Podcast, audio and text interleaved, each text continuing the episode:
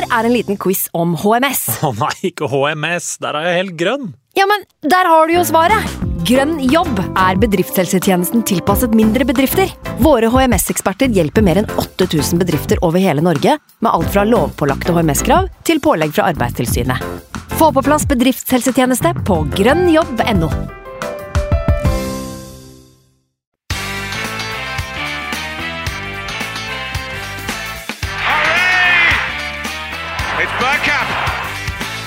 for now! The next station is Arsenal. Signe Husfreden og hjertelig velkommen til en duggfrisk og utappet episode av Arsenal Station. For anledningen med meg, Magnus Johansen, som ordstyrer, og med kongen av vodka Traneberghus, Sivert Skarstein Eriksen, som meldepliktig sidekick. Til å holde far og sønn i ørene har vi ikke Simen Gofeng denne gangen, da han har Anna Fåre. Så da tipper jeg dette blir passe løst i, i snippen. Eh, Så løst i snippen som et Vieira løst Palace som søndag forsøkte å ikke ta en Sean Dyche, og dermed endte opp med fire våte, deilige ørefiker fra Arsenal-hansken. Dermed, Sivert, er det bare å si hallo i luken. En luke på hele åtte poeng. Hvor deilig er det, og hvor godt smakte Bislett-kebaben i dag? Nei, fantastisk. Og um, den var god. Medium alt på i pita. Nei, det var um, Det glir godt om deg nå, nå um, Altså, jeg tar poeng på tabellen over hengekamper hver dag hele uka. La City jage. Åtte poeng opp. Eh, Det blir katt og mus i ti kamper til nå, og det er jo Ja, vi får se hvor langt, hvor langt det bærer oss, men det er, det er så jævlig gøy om dagen. Altså. Apropos alt på, så er det magiske tallet 69 akkurat nå. Eh, Det er et deilig tall som vi går inn i landslagspausen med. Og igjen apropos det, så for eventuelt nye lyttere, så er jeg og Sivert ikke far og sønn. Det er bare en vits som har fått gått i noen episoder nå. Eh, angående en fotballtur tilbake på starten av 2000-tallet som jeg ikke kan gjøre rede for. Eh, men skal være helt ærlig, så drakk jeg ikke øl da jeg var 14, så det er vel umulig at det, at det er faren din, Sivert. Men uh, la, oss, la, la noen tro det, da.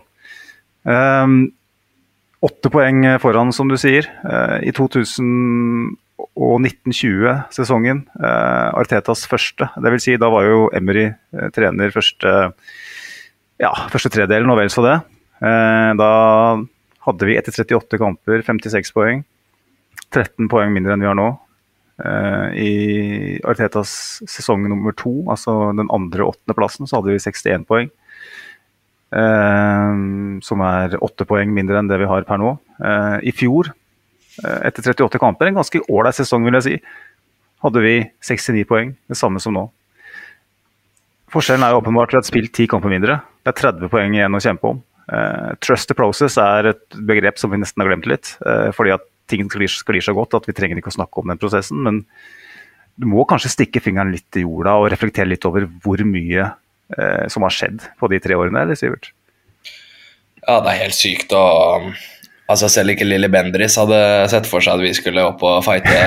Ikke bare fighte, men faktisk være godt foran City. Eh, Det er jo egentlig helt sykt hva som har skjedd. eh, Altså Hvilket tidsspann du har lyst til å bruke, om det er de siste tre årene, de siste tolv månedene, de siste ni månedene, de siste 15 år. altså sånn Gradvis så har jo Fra der vi var til der vi er nå, er jo varmt og kaldt, ikke sant. Det er jo, det, altså, det er jo derfor jeg sitter og er litt negativ. Litt påtatt, litt ikke påtatt. Altså, jeg, jeg sitter og tenker at det, nei, vi kommer til å snuble et eller annet sted, bare ikke få opp forventningene deres. Men gjør vi det? Kommer vi til å snuble? Det her er ikke Arsenal-utgaven anno 2015, 2017 eller noen av de sesongene du ramsa opp her. Det er et helt annet kvalitetsnivå og toppnivå. Mm. Det er så enkelt som det. Det er eh, vi har, Arteta har bygd et lag nå, og han fikk inn de siste brikkene, brikkene i sommer. Og nå, nå har han åpna slusene, åpenbart. Det er helt sykt. altså. Mm. Big picture er det vi snakker om nå, og det skal vi vel eh, kanskje inn på senere i, i podkasten. Um, vi må jo oppsummere den uh, 4-1-seieren mot Palace. og Vi må oppsummere litt av andre ting som har skjedd i, i helga. Og så skal vi se litt frem til innspurten, som starter mot Leeds om eh, 14 dager.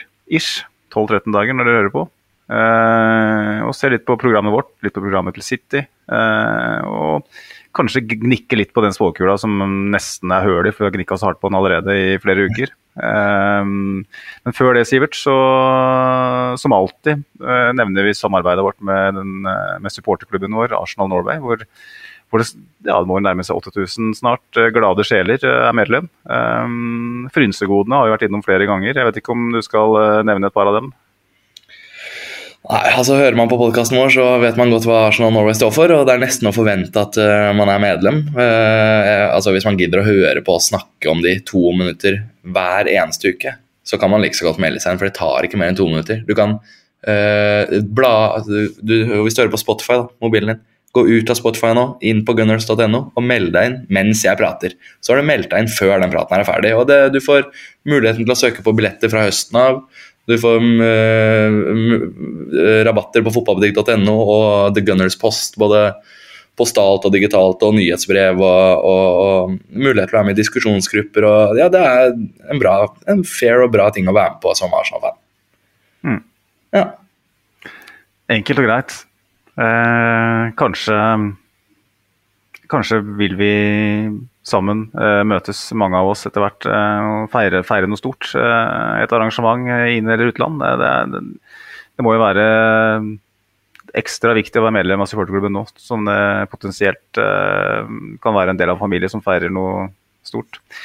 Da tenker jeg vi går videre til Hva sa du? Nei, en ting bare. Vi er enige om å la sporting ligge helt, eller?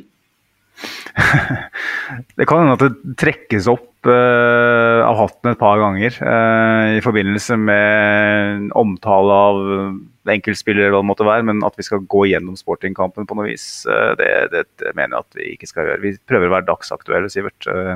det er vår forskjell som podkast. så det å snakke ja, vi er. Yes, så det er ikke noe point i å, å grave noe i det ytterligere. Det, den er oppsummert godt av andre. Vi ble faktisk beskyldt, eh, ikke beskyldt, men det var en lytter som, eh, som lurte på om vi var dårlige tapere. På, for at vi ikke hadde noen podkast etter sporting. Eh, og det svarte jeg forstått på.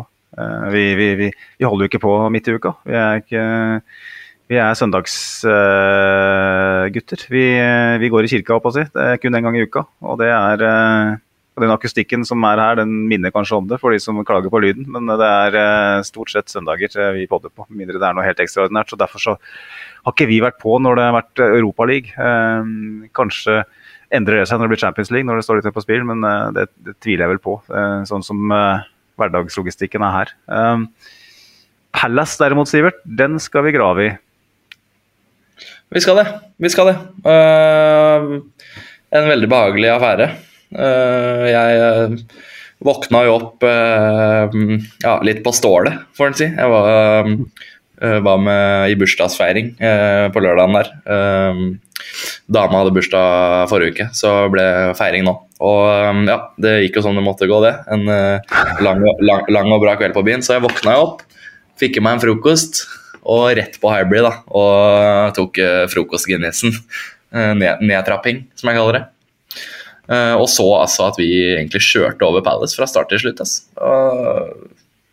Det er utrolig, utrolig behagelig å se. altså Vi vinner jo på så mange ulike måter. Vi har de også grave dypt i 97 minutter. Vi har de også ja, egentlig feie motstandere av banen på 30 minutter. Og vi har de også kontrollere inn kamper.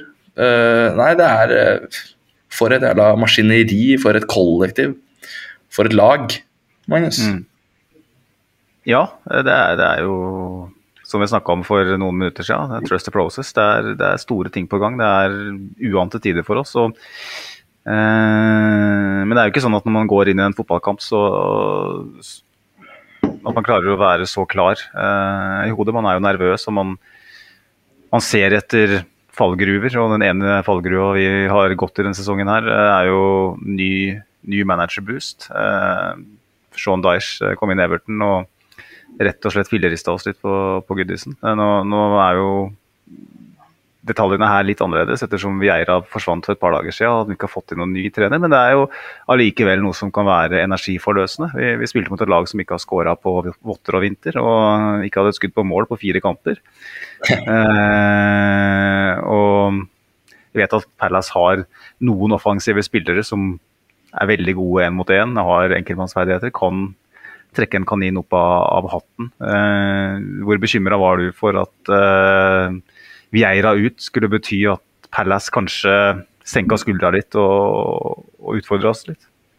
Nei, Skal jeg være ærlig, så, så var jeg ikke bekymra i det hele tatt. For det er som du sier, de der offensive talene til Palace de, altså de hang ikke på greip overhodet, og de skaper jo null og niks og nada. Så Arsenal er i en sånn form, ikke form nødvendigvis, et sånt høyt nivå at uh, altså, vi, jeg, vi, må kverne inn én goal i løpet av 90 minutter mot Palace, tenkte jeg, før kampen. Og det holder, for Palace skaper ingenting, var taken min. Uh, nå scora de faktisk, da. Så, men nei, jeg, det blir klink tre poeng, skrev jeg på Twitter for uh, eh, 21 timer siden. Og det ble, ble ganske klink, altså. Så jeg var ikke Og så så jeg, da laget kom, så hadde de uh, for det første, deres beste stopper, han Joakim Andersen, han ble jo skada under oppvarming. Så jeg tenkte Tomkins, blir jo, han blir jo løpt i hjel av Martinelli blir ikke det. Og så deres aller beste spiller, eh, syns jeg, eh, SC, eh, tidligere QPR-gutt. eh, forbanna god. Han satt jo på benken. Så nei, jeg så på det der Palace-laget med Miljovic og Slupp og den midtbanen der Det går for seint, ass. Det er for lite atelier. Nei, jeg tenkte det, det er helt ærlig, jeg var veldig rolig i dag, altså. Mm. Ja, det det var jo nettopp den nyheten som du refererer til, med Andersen ut, som gjorde meg ganske betraktelig mye roligere. For jeg har sett noen Palace-kamper denne sesongen, der, deriblant den serieåpningen mot oss. Og Joakim Andersen på sitt beste er en knakende god midtstopper. Spesielt i, i frispillingsfasen. Han har en fot som er gudbenåda. Eh, Palace eh, mot et, Arsenal som står veldig høyt, med en Saha som Eh, vi vet kan by på trøbbel, og spesielt med en holding da i høy linje som eh, jager. Det var, det var litt, litt, skummelt, men med Andersen ut, Tomkins inn, som Kjernås sa i løpet av kampen, han holder jo ikke i Premier League-nivå. Det tror vi til dels òg kunne se. Og da med en keeper i tillegg som er 19 år, som da har én Premier League-match. da mot Brighton forrige runde, som eneste, eneste outing på det nivået her. da tenker man at det er ikke nok pondus i den backlinja til å ligge i blokk og dypt og skulle, skulle uh, stenge igjen mot, mot, Arsenal. Det tror jeg de nesten forsto selv også. Så, uh, ikke satt presset deres, og ikke hadde de en sånn såkalt lav blokk. De klarte ikke å kjøre dobbelt mot Martinelli og Saka, sånn at vi fikk eh, stoppa produksjonslinja vår fra kantene. Fikk ikke tvingt oss ut på kantene. De fikk ikke stengt igjen sentrale soner. Eh, Arsenal var gode, kjempegode, men vi ble ikke utfordra i veldig stor grad i dag, syns jeg. Det her var et blekt Palace. Det her var et Palace jeg mye heller vil møte enn et Vieira Palace. Ja, det var veldig gode arbeidsforhold, og jeg sa Det var jo bare forrige pod, så sa jeg at lag, lag som prøver å spille fotball mot oss, kult det. Veldig bra. Du skal få forsøke. Men vi er jo det beste laget i Europa altså, altså, uten å kødde, da. Vi, altså, hvis du gjør noe annet enn det eh, Everton klarte enn det Nå husker jeg ikke poengtapene våre, men uh, altså fellesnevneren i de er at de, de har ja, Newcastle annet, altså de prøver ikke, spiller ikke fotball. Stenger av de rommene, som du sier. Ligger kompakt og, og, gjør det jævla traust for oss. Og det gjorde ikke Palace i dag, og da er det en, da er det en smal sak. Mm. Det, um, det ja, det, det, det, er åpenbart uh, ikke en fordel å å komme til Emirates og prøve å spille på våre premisser. og um, Palace er en av de lagene som evner å ligge i blokk. Uh, det viste de senest forrige helg mot, mot, City. Uh, så at de ikke på en måte lente seg litt inn i det, det handla kanskje om det vi var inne på. at, de ikke hadde spillemateriell i dag. Uh, men òg litt taktisk. Jeg tror det er en manager der som hadde litt å bevise, og som kanskje måtte prøve å angripe litt med tanke på de offensive tallene deres. Så på et scenario kanskje ikke så for meg, men som passa, veldig godt. Vår lagoppstilling, Sivert.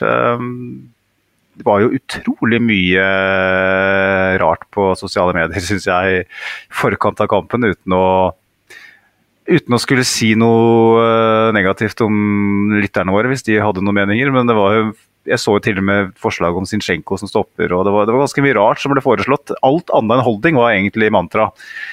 Hold, altså det var liksom sånn nesten McFarlane på bekken i stedet for uh, holding på stoppeplass. Uh, men det var som for så vidt jeg og mange andre forventa, at uh, det blir Rob Holding. Fordi at man vil ikke flytte på fem spillere for å unngå at en fotballspiller skal inn i elveren. Eh, eh, hva tenkte du også utover det også, med, med, holding, men òg ellers, eh, når elveren droppa i dag? Var du, var du, happy, eller var du skeptisk?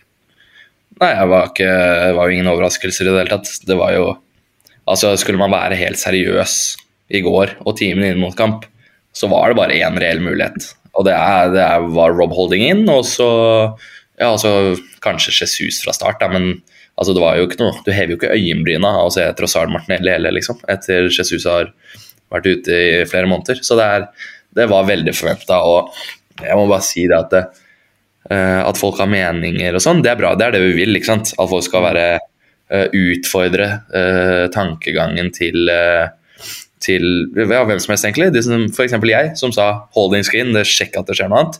At folk kontrer det med et eller annet, det syns jeg er bra. Det er greit. Mm. Ha, ha, mening, ha, meningen din, det er helt fint. Men den derre abusen, eh, egentlig, basically, som, som, Holding fikk, det syns jeg er helt bak mål. Altså, folk ville ha inn en eller annen Walters mandler eller et eller annet eh, på bekken. Ja. ja, og, og Kivior og Gabriel, to sånne venstrebeinte. og det, var jo, altså, det var jo så mye rare takes, og, og det bunna egentlig ut i at folk bare ville ikke se Holding. Og mm. altså, vær så snill, da. Altså, han var jo på vei til Newcastle. Det var Arteta som ga han ny kontrakt. Han er fjerde, kanskje til og med femte valgård på stopper. Det er sånn, øh, Gi mannen en sjanse, la han i hvert fall spille fotball før du, før du dømmer han. Mm. Og, og, altså, han Ja, jeg var på Tottenham borte i fjor, jeg, når han var helt idiot. Men altså, skal du la det overskygge han som fotball... Altså, mannen har 150 kamper for Arsenal. Øh, over det. Mm. Altså, det er klart at han er mer enn god nok for å vikariere der hjemme mot uh, Crystal Palace. Hvis ikke så hadde han jo ikke vært der lenger. Vet, vet man hvor mange spillere Arteta har skifta på to-tre år, eller? Det er jo nesten bare han og Nelson og Sjaka som er igjen. Mm. Ja, det er et veldig godt sagt, Sivert. Eh, det er, det er nok nettopp den Tottenham-kampen du refererer til, som gjør at veldig mange har bestemt seg for at holding eh, i det moderne Ariteta-systemet rett og slett ikke, ikke, holder. og Det er jo til dels sant. altså Holding kommer sannsynligvis til å forsvinne ut i sommeren, rett og slett fordi at vi har på en måte, evolusjonen har gått forbi den. Men han har jo spilt i Arsenal i åtte-ni år. Han har spilt eh, i kamper hvor Arsenal har stått høyt mot svakere motstand og klart seg med bravur mange mange ganger. Det at han har falt igjennom i noen enkeltkamper mot litt eh, sterkere motstand når vi står høyt, det er naturlig rett og slett for at han ikke er Han har ikke ferdighetene til det, men Palace hjemme, som du sier, kanskje det svakeste offensive laget i Premier League etter nyttår. Hvis han ikke kan spille der, da er det ikke noe vits at vi har han. Altså, vært... da, da, kan han jo ikke spille i Premier League i det hele tatt. Nei, han kan vi... ikke det. Vet du. Eneste jeg, eneste jeg har hatt som argument sånn sett, altså, er jo at fotball med fem bytter, eh, med en manager som har mer input sånn sett, trenger spillere med veldig konkrete egenskaper. Jeg har vært en forkjemper for å beholde Rob Holding, selv om han kanskje ikke starter en eneste Premier League-kamp i løpet av sesongen. Bare at han kan komme inn siste kvarteret i kamper hvor vi trenger å stenge igjen bak. Jeg mener at det er en i dagens fotball så er det en helt konkret rolle som du kan gi en stallspiller hvis han er fornøyd med å ha den rollen. Spesielt hvis han i tillegg bidrar i garderoben eh, og er en leder, er en kontinuitetsbærer. Så kan jeg, jeg mener det fortsatt at Rob Holding gjerne beholder han et par år til, hvis han kan fortsette å ha den rollen. Men det er òg viktig at han kan komme inn en, en, en eller to starter i løpet av sesongen i en sånn type superkamp. For det handler litt om selvfølelsen hans òg. Eh, hvis han vet at han i beste fall får ti minutter uh, i tre kamper, da skal du slite med å holde ham fornøyd, selv om han vet selv at han er en stallspiller. Hvis han vet at ok, jeg er fjerde eller femte valg, jeg har en viktig rolle utover det å være en impact sub. Så jeg tror den balansen er veldig god, og for meg så var det veldig godt å se at det, at det kunne funke. Um, jeg vet ikke om vi skal ta Rob Holding-tallene med, med, en gang, eller om vi skal snakke oss ferdig om kampen, men jeg har sett litt på tallene hans, og det viser jo at han definitivt plukka opp hansken her. Så uh, jeg kan for så vidt gjøre det, bare bli ferdig med det. Jeg, jeg, tenkte å, jeg, tenkte å, ta en liten uh, greie på det, faktisk. Så jeg kan begynne på de holdingtallene. For, uh, ja, for altså Saliba argumentert vært Premier Leagues beste stopper. Det er greit, det. Og, og Rob Holding, som da er vårt fjerde-femtevalg, han skal selvfølgelig ikke komme inn og være Saliba. Han er ikke like atletisk. Han, tar, han, han løper ikke opp Wilfred Saha. Uh, det er greit, det. Men altså, Rob Holding er en bra midts... Altså, han er det beste fjerdevalget på midtstopper i, i, Premier League. Det er ingen annen klubb som har et bedre fjerdevalg på midtstopper, utenom kanskje City, da. Men de henger jo ikke på greip defensivt til tider. Altså, uh, Rob Holding han er en veldig sånn engelsk midtstopper, men i dag så har han 64 av 70 pasninger treffer han på. 91 mm. Og han treffer på fem av fem longballs. 100 og, og, jeg husker flere av de. Han satte i gang angrep og switcha spillet. Jeg skal ikke si han var Saliba, men han, men han løste og han gjorde den oppgaven til sin egen og, og leverte en kjempekamp. Så kan du gjerne ta resten av de tallene, Magnus, men poenget Poenget er at vi må gi mannen en sjanse. Han var jo, han var jo kanongod. Han solgte seg litt på der, det første til Saha der, som gikk i ryggen til Ramsdale, men han spilte seg så inn i kampen at det er ikke mulig. Hadde Saliba levert akkurat den samme kampen, så hadde det jo vært compilations på Twitter eh, en halvtime. ja, ja det, det, du, du, tar jo den jobben bra her, Sivert. Fordi jeg har, har de samme tallene foran meg. og så må vi huske på at fyren kommer inn uh, iskald. Han har jo nesten ikke spilt uh, fotball siste halvåret, og han har Altså Kommer inn i et system som ikke passer han, og at han bruker da noen minutter på å, å komme inn i rytmen, komme inn i ja, inn i det. det. det. er jo ikke noe overraskende i det hele tatt. Men han, han, han løste da de tingene som du nevner, den Saliba-delen, pasningsspillet, de switchene som du nevner. Eh, men i tillegg så, så, så fikk han lov til å være litt Rob Holding også. Eh, han eh, vinner sju hodedueller, som er klart flest. Han, treff, han, takler to ganger, vinner to taklinger, selv om jeg vet ikke om den der utrustninga han hadde, eh, som du refererer til, teller som det. Åpenbart ikke. Men poenget er at en Rob Holding som ikke takler mye, er egentlig positivt. Det betyr at han er riktig posisjonert, han blir ikke utfordra eh, på det han sliter med. Eh, og han har også flere, fem klareringer da, som er flest, flere enn Gabriel, som på en måte er hva skal jeg si, ja, den som vi alltid ser på eh, i den fasen av spillet. Gabriel ble jo litt mer sp spillfyrer, sånn sett. Lå litt høyere enn han eh, kanskje pleier. Eh, og syns, syns den løser seg godt. og Det skal jo også sies at de to har spilt sammen før. Eh, og det skal også sies at den ene kampen som alle bruker mot Rob Holding, Tottenham, da spilte han med Cedric på høyrebekken. Han hadde El Neni foran seg på midtbanen. Eh, han hadde Tommy Yasse på venstrebekk, vel, og så var det vel eh, Gabriel spilte kanskje på venstre stoppeplass, men også et helt annet lag. Altså, det, er ikke det, samme, det er ikke sammenlignbart, Magnus, i det hele tatt. Og altså, eh, Som jeg var inne på, så forsøkte Rob Holding på 70 pasninger.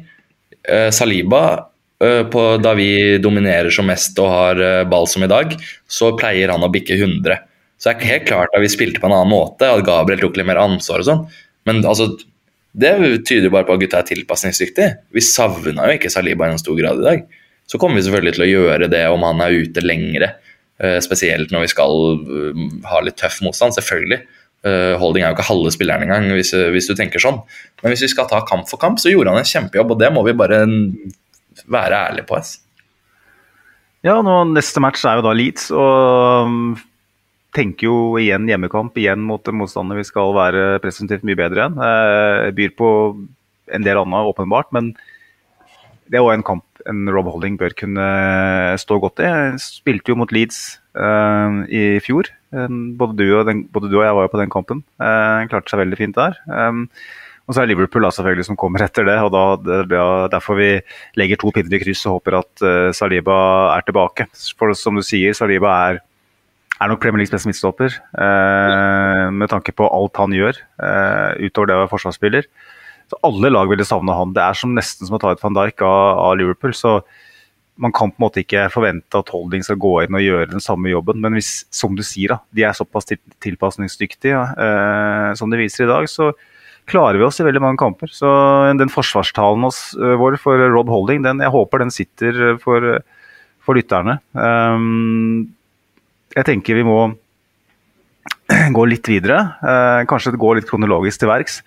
Første kvarteret, 20 minutter, så syns jeg vi bar litt preg av at vi hadde spilt 120 mot uh, Sporting på torsdag, og fått den smellen som vi gjorde med å tape på, på straffekonk. Uh, det er jo de som har peiling på det, som har vært litt i bobla, sier jo at at nettopp det første kvarteret, 20 minutter etter en sånn opplevelse, er, det mest utfordrende. For det handler om måte å spille seg varm, få kroppen i gang på en måte, og få hodet i gang etter noe sånt. Men, og, og, og, du så at både, både, Martinelli og Saka tok en del litt rare valg. Uh, Palace var enkle å spille mot, rett og slett, i forhold til hva Everton, Brentford, Newcastle og sånn har vært. Men det var litt sånn eh, troll i trompeten, eh, rett og slett, de første minutta der. Men så skruve til nå så til de grader. Eh, hvor imponert var du over eh, siste halvdel av første omgang? Nei Når vi skrur på som aller best, andre gang mot Everton, første gang bort mot Tottenham Altså, vi har et par sånne ofte 50-60 minutters perioder i løpet av kamper som er helt enorme, og den var helt oppi der. Spilte jo ball i hatt med Palace. Uh, nå var det litt lagt til rette for det, og, og som sagt de fleste var jo friske og, og, sånne ting, så det var på en måte å forvente, liksom. Men, men jeg, jeg veit ikke om det er imponerende altså, sånn, er, det, er det teit å si at jeg, at jeg veit at det er nivået vi har inne? At jeg, at jeg vet at altså, dette er den Arsenal-utgaven Arsenal vi sitter med uh, som er foran oss. er det er, det er, de er så gode. Det er ikke noe mm. imponert. Du løfter nesten ikke øyenbrynene engang lenger. Det er, det er, nesten mer hvis det er motsatt, hvis du skjønner hvor jeg vil, eh, hvor jeg vil Magnus. Mm. Nå, nå, har jeg blitt altfor godt vant, selvfølgelig, bare, bare, med å si det, men det altså, jeg, Arsenal har jo spilt sånn her 20 matcher i år i, ligaen. Det er jo ikke sånn at jeg er mer eh, sånn imponert. Skjønner du hvor jeg vil? Ja, altså du må ikke må prøve å ikke la seg eh, fange av narrativet fra omgivelsene som, som, tilsier at vi har ikke bevist noe ennå. Eh, det er først nå eh, det virkelig gjelder, alt det der. Men 69 poeng på 28 kamper. Borteseier mot Tottenham, Chelsea, eh, mot Liverpool. Mot eh, Tottenham, mot Manchester United også. ja, vi har selvfølgelig mye å bevise. Men i verste fall så, så ender vi på et 3-84 poeng, kanskje, eh, og sølv. Og så har vi spilt eh, den fotballen her nesten hele veien. Eh, det, man lar seg ikke overraske av, den, av det nivået vi viser her. Eh, det er kun de som virkelig ikke ønsker å se det, som ikke ser det. Det er noen av dem, selvfølgelig. Eh, noen av våre egne òg ønsker ikke å se det. Eh, kanskje en forsvarsmekanisme, men Arsenal er gjennomsolid. Erik Ten Hag prøvde seg på en uh, variant nå i, midtuka med å si at Arsenal alltid hadde alle spillere sine skadefri, og det var delvis forklaringen til hvorfor vi ligger der vi gjør. Men altså, det er ikke nytt å ta det engang. Det er pølsevev. Bullshit. Men det er jeg ror meg litt uh, ut på åpent hav her, Sivert. Men er, jeg kjenner jo at, uh, at det provoserer meg litt uh, at, at, det er sånn. Men la dem, la dem holde på, da. Uh, ja, men Dette er jo bra. Dette er det vi vil. Jeg elsker jo det. Uh, altså, Må smi mens jernet er, uh, er, varmt, tenker jeg. Altså, jeg, Å være altså Nå er vi jo mye mer enn det, selvfølgelig. Nå leder vi jo Premier League, men å være relevant igjen. Å være der og, og få stikk fra trenerne til, til Manchester United og, og ros av Pep og Klopp og, og være og spise middag med de gutta det er jo det vi har drømt om og sett langt etter i 15 år nå. ikke sant? Så mm. at, at det kommer noe sånn drit fra Ten Hag for å uh, ja, snakke seg selv inn. Han har gjort en kjempejobb, Ten Hag. Men uh, ja, det var et, eller annet han uh, hadde lyst til å sette fingeren på. Da. Jeg, vei, jeg driter i det. det er sånn Twitter-narrativ Jeg har jo kamerater som sier akkurat det samme. Og når, da, når jeg da forklarer at uh, Zinchenko har vært ute, Party har vært ute, Jesus har vært ute, Smith-Roe har vært ute, så sier de bare Hæ? De, de, er jo ikke, de er jo ikke viktige spillere for dere. Smith-Roe, hvem er det? Herregud, de da, toppskåreren vår forrige sesong. Det er jo er ikke viktig plutselig, bare fordi vi har klart oss å leve uten han. Altså, Jeg orker ikke hekte meg på de greiene der. Nei, nei, det, det, det er godt. Det, det, er ikke noe vits. Det, er bare å stenge det ute i den grad det er mulig. Um, la oss um, La oss uh, gå litt tilbake til match. Um, 1-0-skåringen den er jo vakker, den òg. Uh, kommer uh, vel da en ballgjenvinning fra Benny Blanco, som du kaller den. Benny White. en av mange som fòrer Saka. Saka som og inntil det øyeblikket egentlig stort sett mislyktes med det meste han gjorde offensivt. Og så viser han klassen sin bare switcher den over til Martinelli. Og det skal sies at den var ikke ferdigskåra. Eh, jeg vet ikke om det var jeg, jeg må være ærlig innrømme at jeg vet ikke om det var Tomkins som runda der, men jeg vil ikke overraske om det var det. Eh, Nei, det var Ward. Og Ward. Ward ja. Ok, han er, ikke, han er ikke yngre, han heller. Han er ikke noe spring chicken, men han eh, Det var en nydelig manøver der. Også en, en spiller som da eh, mista den avgjørende straffa i straffekonk for bare noen dager siden, tre dager siden. Eh, og for, det er første muligheten han får, egentlig. Eh, og så gjør han det på den måten. Så dødelig. Eh, det er eh, Og ikke minst eh, sprekke byllen, da. Få, få, høl på den, for det er jo helt avgjørende i en sånn type kamp. for at det er jo sånn at hvis Palace da etter hvert Eh, kanskje klarer en omgang 60 minutter eh, med å spille på den måten her, så vil de åpenbart bare droppe dypere og dypere. Og til slutt bare hang on for dear life. Men det gjorde Martinelli og Saka, og til dels Ben White selvfølgelig. Selv sørga for at det ikke skjedde. Det, det var uh, litt av en scoring. Ja, altså jeg um, hadde jo akkurat satt henda i Guinness med Empire Bree, og og så, så, så selvfølgelig den skåringa her. Og det første jeg sa, egentlig, uh, litt ironisk, men jeg mener det såpass at jeg kan si det høyt, det er den, det første touchet til Martinelli der, og så nummer to hvor han drar seg forbi Ward på ett touch og ett rykk. Altså, Ward er jo i, i pølsebua på Det er snakk om et halvt sekund, så er Martinelli to, to skostørrelser foran han. Det er sånn, det er sånn du ser de der rykkene der uh, med den altså, følsomheten og lagt til rette og altså, det ryk, Men det er rykk jeg mener. Altså Måten han bare På ett touch, boom, forbi Ward. Altså Det er sånn Cristiano Ronaldo, Aguero De, de gutta her gjør det. det. de, går så fort, og det er, de legger den akkurat der de vil ha den. Det er få spillere i Europa som gjør det der. Uh, uten sammenligning for øvrig til de navnene jeg akkurat sa der. Men altså, det er en sinnssyk egenskap. Altså, og skal Eh, jeg holdt på å si, Skal Martinelli klare det hver uke òg, så blir det jo veldig spennende. Men han er jo toppskåreren vår. Mm, det er et eh, viktig poeng. Ja, det er jo det. Han har jo vist at han, han kan skåre mål i Premier League. Uh, og han bare fortsetter. Han har vært fem på fem nå. 13 skåringer totalt uh, i, ligaen. Uh, Robert Perez sin beste sesong. litt i samme posisjon, åpenbart i en litt annen æra med 4-4-2 og alt det der. 14 skåringer, beste han i Premier League. Theo Walcott matcha jo det noen år senere. Men det, så vidt meg bekjent så er det bestenoteringa for en hva skal jeg si, en kantspiller slash wide forward da, for Arsenal. Altså Martinelli er jo kantspiller, hvis du ser på heatmapsa. så Han er jo, han, han kysser jo den der streken hver eneste uke nesten. Han holder jo veldig, veldig breit. Mm. Så, altså, han, er, han, er, eksplosiv og, og, finner seg ofte i gode posisjoner sentralt i banen. Det er greit, men han er en out and out kantspiller. Men iallfall spilt som det etter, eh, etter, VM. Det er det i hvert fall ingen tvil om. Eh, blir litt mer bevegelig enn nå de siste kampene, og det er vel kanskje nøkkelen. Eh, det å ikke spille med en Ketia, rett og slett, det har jo vært forløsende for han. For at Trossard og Jesus, da, som han spilte med før VM, er type spiller som han kan kombinere med, og som han kan veksle posisjoner med. Eh, han var jo en stretch på en sju-åtte kamper der, Sivert, hvor vi begynte å, rett og slett tvile på kandidaturet hans som en, eh, en spiller i førsteelveren til Arsenal. For det så blytungt ut, altså. Ja, men han var jo ikke, han var jo, han var jo ikke bra. Altså, det var ikke sånn at vi satt her og var dumme. Altså, sånn, han var jo ikke bra.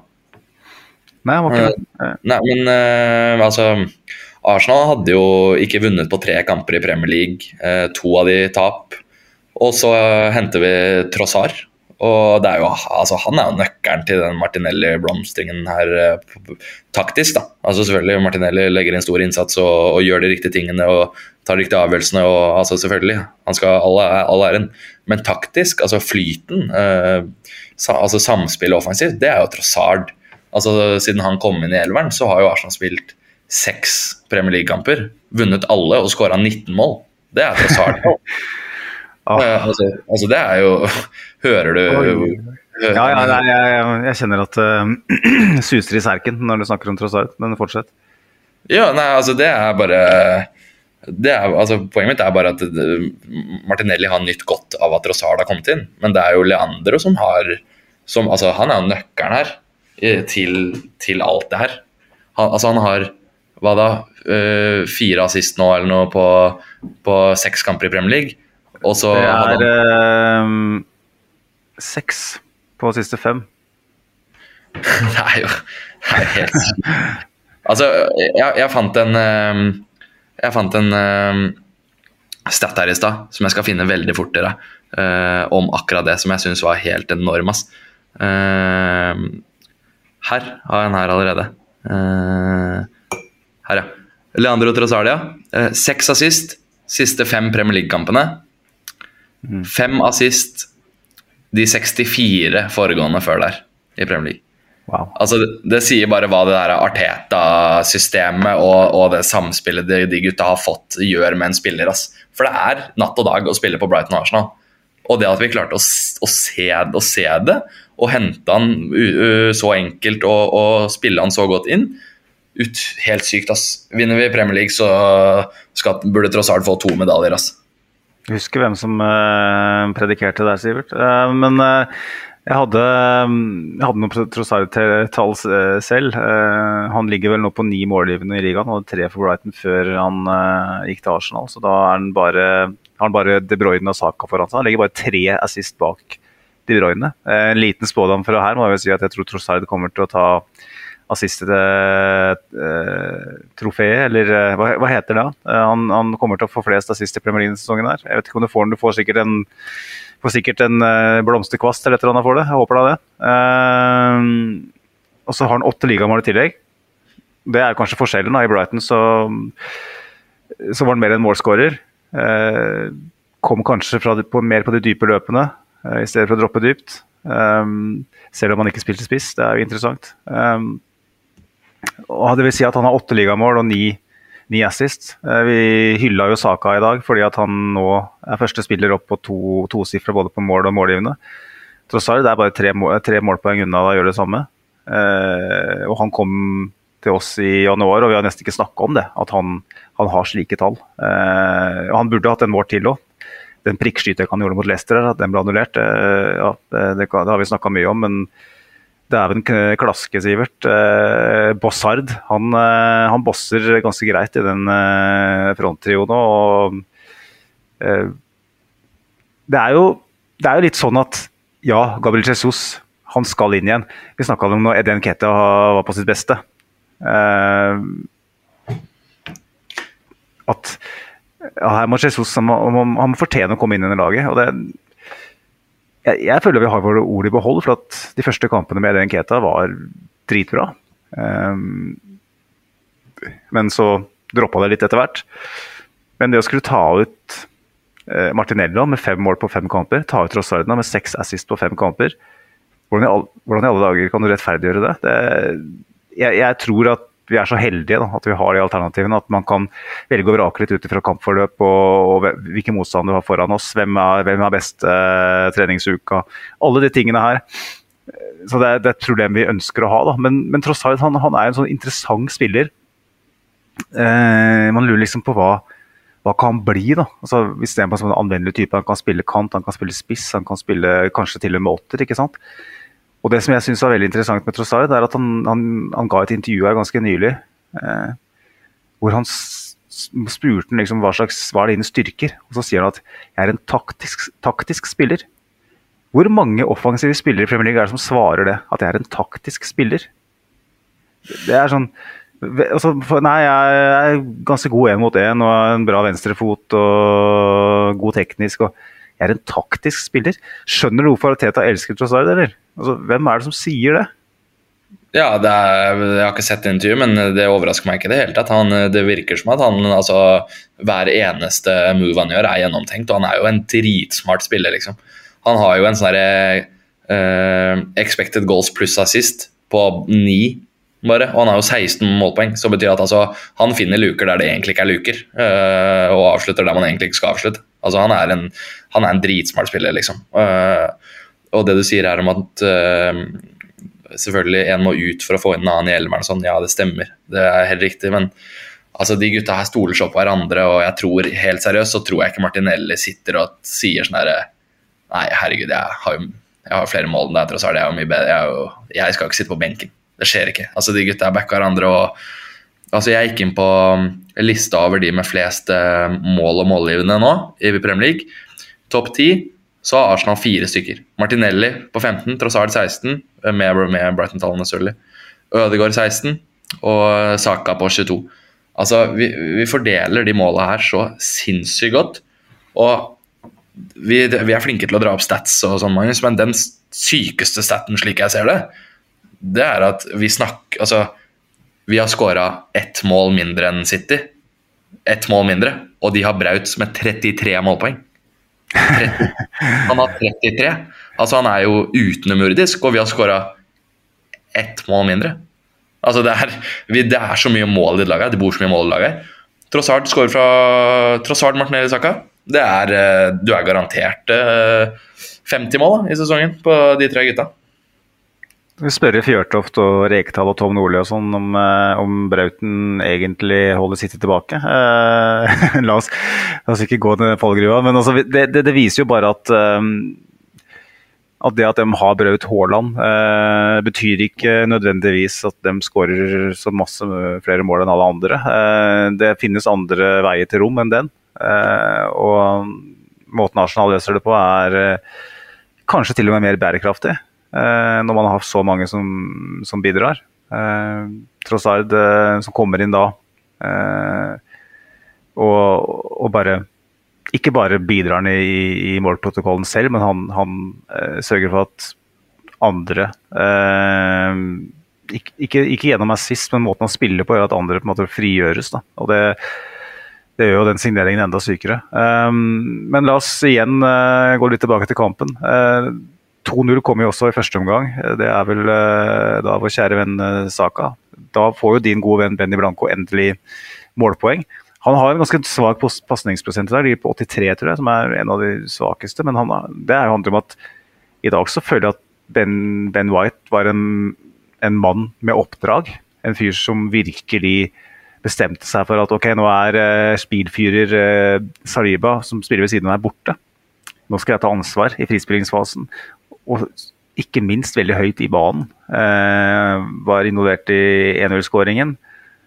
Og så får han eh, fanken klaske meg, Sivert, eh, assist på 2-0. Ja, jeg, altså, Benoit er favorittspilleren min eh, på Arsenal. Det har jeg sagt mange ganger. Det har jeg sagt i, helt siden han kom, egentlig. Og jeg har lyst til å benytte enhver anledning til å snakke, om, eh, snakke opp eh, Benny Blanco. Og jeg tweeta jo. Jeg er jo altfor aktiv på Twitter. Og jeg twittet og skrev at uh, når, uh, når, Ben White, eller altså, ja, når han uh, melder seg på offensivt, setter opp sånne trekanter med Saka der, og, og spiller han fri og Altså, det gjør, det gjør noe med meg, skrev jeg. Jeg blir, jeg blir sånn herre pa, Altså, paff av det, nesten. Det. Og nå er vi tilbake på de der takesa som jeg så. Folk, folk var jo helt i harnisk før matchen og skulle ha Nelson inn på høyrebekken for å, for å få White inn i midten. og altså Flere kokker, mer søl. ikke sant? Ben White spilt til eh, åtte på børsen omtrent hver kamp på Ørebekken eh, utenom et par stykker eh, hele sesongen. Han skal jo spille der. I dag en sinnssyk kamp av White. Og altså Folk gjerne av, som holder med andre lag, da, sier 50 millioner pund, liksom, for Ben White. Hva, hva var det for noe? Og, og, det hører jeg faktisk enda. 50 millioner pund. Altså, hør her. 50 millioner pund, det var en sånn engangssum. Jeg hadde betalt 50 millioner pund hver, uke, hver dag. Og så hadde jeg betalt dobbelt på kampdag. Så mye syns jeg han har vært.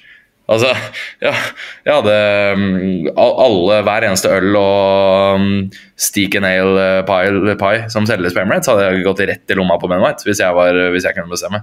Altså, han er verdt, han er, han er verdt sin vekt i, i, gull, altså. Han er helt Altså, han er, Han er så tullete god, Magnus.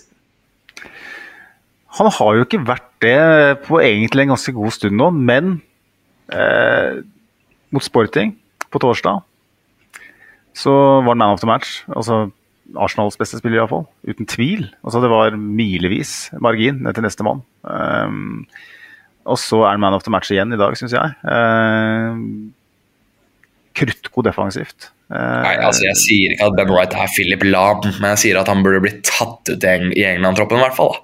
Ja, ja, la oss, uh, la oss unnlate å snakke om stakkars Gareth, da. Men at, at, Ben White uh, er en av Premier Leagues beste høyrebacker, er det jo absolutt ingen tvil om. og Hadde hatt en periode nå i noen uker som, hvor han har vært litt grann off, off the boil, syns jeg. Uh, men altså Han kommer inn som innbytter for White Nei, for Tommy Yasu i en match, jeg husker ikke hvilke. Uh, var det Everton? Ja, jeg tror det. Da, det var ikke Ja. Det var, da var jo Tomiyasu svak, eh, og etter det så har han ikke sett seg tilbake. Nå er han tilbake på det nivået han var før VM og starten av januar. Nå, han, nå, skal du slite veldig med å finne en bedre høyrebekk i, i, i, Premier League. Og... Det er ikke en høyrebekk i Premier League som kan prate med Ben White engang altså, om det der. Kanskje han i Newcastle. Reece James var det beste, men han er jo aldri skadefri. Uh, men poenget er at Ben White han har uh, vist at han er ekstremt anvendelig, uh, tilpasningsdyktig. Han kommer inn som stopper, og det aller beste med Ben White var jo evnen hans til å frakte ball gjennom ledd. Å ta med seg ball gjennom ledd. Og slå ball gjennom ledd. Den rollen som han hadde i Leeds, som han hadde i Brighton, den, den uh, var han jo i ferd med å perfeksjonere i i Arsenal, et, et, lag som har ballen enda mer. Men det at han skulle da komme inn og bli høyreback og spille fotball på en helt annen måte og mestre på den måten her, det, det, ja, det, det, er for meg altså, Ja, man brukte 50 millioner pund på, på, Ben White, men det er nesten litt sånn rart, da. Eh, at vi sitter her i dag og ser på høyrebekken Ben White. Um, ja, men han er jo en maestro. Det er tydelig at dette er, dette er en gjennomført god fotballspiller som Ariteta tenker at ok, Saliba er på lån i Marseille, kanskje kommer han tilbake. Uh, men Ben White han kan, uavhengig av det, gå inn i, en annen rolle. Uh, så god er han. Eh, jeg hadde aldri i verden sett for meg at Ben White skulle bli vår høyreback. Jeg trodde kanskje at Arsenal hadde gjort en ikke feilvurdering, men kanskje hadde brukt litt for mye penger da, når du så Saliba komme inn i i, i, sommer og var så god i første kampen. Jeg tenkte 50 millioner pund på Ben White, som spilte én sesong på stoppeplass, så ble danka ut. Og så bare spiller han seg bare opp og opp og opp i, i den høyreback-posisjonen. og da Det forteller meg at Ariteta han har funnet en fotballspiller, men også en personlighet da, som han ser for seg kan være en del av den ryggraden som er i det laget her. Det må jo være noe i, det, i, i den duren. Jeg, jeg, vet ikke om Mariteta selv forutså at han skulle flyttes opp på høyrebekken, men Eh, jeg tror at han, han ønsker veldig sterkt å finne plass til Ben White, for han ser at han er hel ved, da, både som spiller og som, som, personlighet. Og han er jo, som du har vært inne på, en uh, litt sånn uh, Paradise Ben. Uh, og ikke spesielt interessert i fotball. Det, det, det, nevner han jo hvert eneste intervju etter hvert. At nei, jeg bryr meg ikke så veldig med fotball, jeg ser ikke fotball. Mutter'n og fatter'n er ikke glad i fotball. Og så, og så fikk jeg på en måte i dag, så, som jeg sa, da det var litt sånn man, man on a mission i dag. Han, eh, det var vel Saha igjen da, som eh, var på vei gjennom, og så klarte han å vriste til seg ballen. Og så klarerte han bare til en corner, hvor banka han opp på tribunen. Det var dessverre den corneren vi slapp inn på, men han jubla som han skulle score. Det var litt sånn Gabriel som uh, tar en uh, en, uh, eh, poengreddende takling i siste ti sekundene. Det var Han jubla som en idiot for at han klarte å banke den ballen opp på tribunen. Det var en sånn Hvorfor jubler du nå? Det er sånn, han fyren her han er så påskrudd nå. Ja, nei, jo, han, altså, det, er jo, det går jo røyk ut av øra på han omtrent. da. Han er jo så skrudd på, så, og han bruker jo alle triksa i boka for å vinne med klyp og litt uh, hæl og litt uh, sparke ballen opp på tribunene. og altså, Det er én ting som står i huet på han, og det er å vinne. Altså, ja, jeg ser de intervjuene med at uh, mutter'n og fatter'n ikke ser fotball, og jeg ser ikke på fotball hjemme og sånn. Og det er greit, det, han, gjør, han gjør sikkert ikke det til en viss grad, men den derre det ikke at du har den, men den derre taken som folk prøver å påta seg om at han ikke bryr seg, det, det, det syns jeg blir for dumt. Altså. Altså, de som er sånn derre Å nei, han bryr seg ikke om fotball. Han øh, øh, Altså det, det, gjør han. For å sånn, altså, han er akkurat like keen på å vinne og lære seg taktikken og, og tror, tror, dere ikke han ligger hjemme og sjekker hvordan City gjør det når de spiller, eller tror du han ser på Love Island i stedet? Han ser på, han ser på sitt hjem, altså. Det trenger du ikke lure et halvt sekund på. Nei, jeg mistenker jo det, jeg og Sivert, at du har rett i det. Eh, at kanskje noe av det er litt spill for galleriet, til og med. Han... Det er jo for å putte press av seg selv, da, garantert. Altså For å være sånn herre Nei, jeg sitter ikke hjemme og ser og sammenligner um, Onana med Rodri, liksom. Det er greit, det. Han trenger ikke gjøre det på det nivået der, men altså du blir ikke topp tre høyrebacker i verden uten å bry deg. Altså. Så den taken der kan vi godt legge fra oss litt. La oss gjøre det. Um, pause 2-0. Uh, eh, Sivert, ikke bekymra, vil jeg tro. Og um, så kommer jo 3-0 da stykket i andre omgang der. Uh, Granit Xhaka som plutselig har begynt å score igjen. Uh, litt, litt gøy. Veldig, veldig gøy. Veldig gøy. Og så, du, så du Arteta sine kommentarer om han etter kamp, eller? Det har ikke rekka sett, faktisk. Nei, uh, han uh, sa uh, Skal jeg søke det opp veldig fort her. jo, her er vi. jeg tar det på norsk, da. Men han Arteta sa at jeg hadde en følelse i dag, og jeg fortalte Granit Xhaka at han kommer til å skåre i dag. Fordi når du har det mindsettet, og du er der det skjer, og, og han ser hvordan han er på trening, og da skjer gode ting. Eh, og han har vært helt fenomenal hele sesongen, sa Arteta. Mm. Så ja, altså jeg veit ikke hva Arteta sa til Sjaka den gangen han hadde pakka for å reise til Roma, altså, men tusen hjertelig takk, Mikkel. Fy faen for en bærekraftig og kontinuitetsbærer han er i det laget her. Altså, han er vi snakker ofte om hvor viktig party er, men uh, Sjaka også er jo helt enorm. Altså.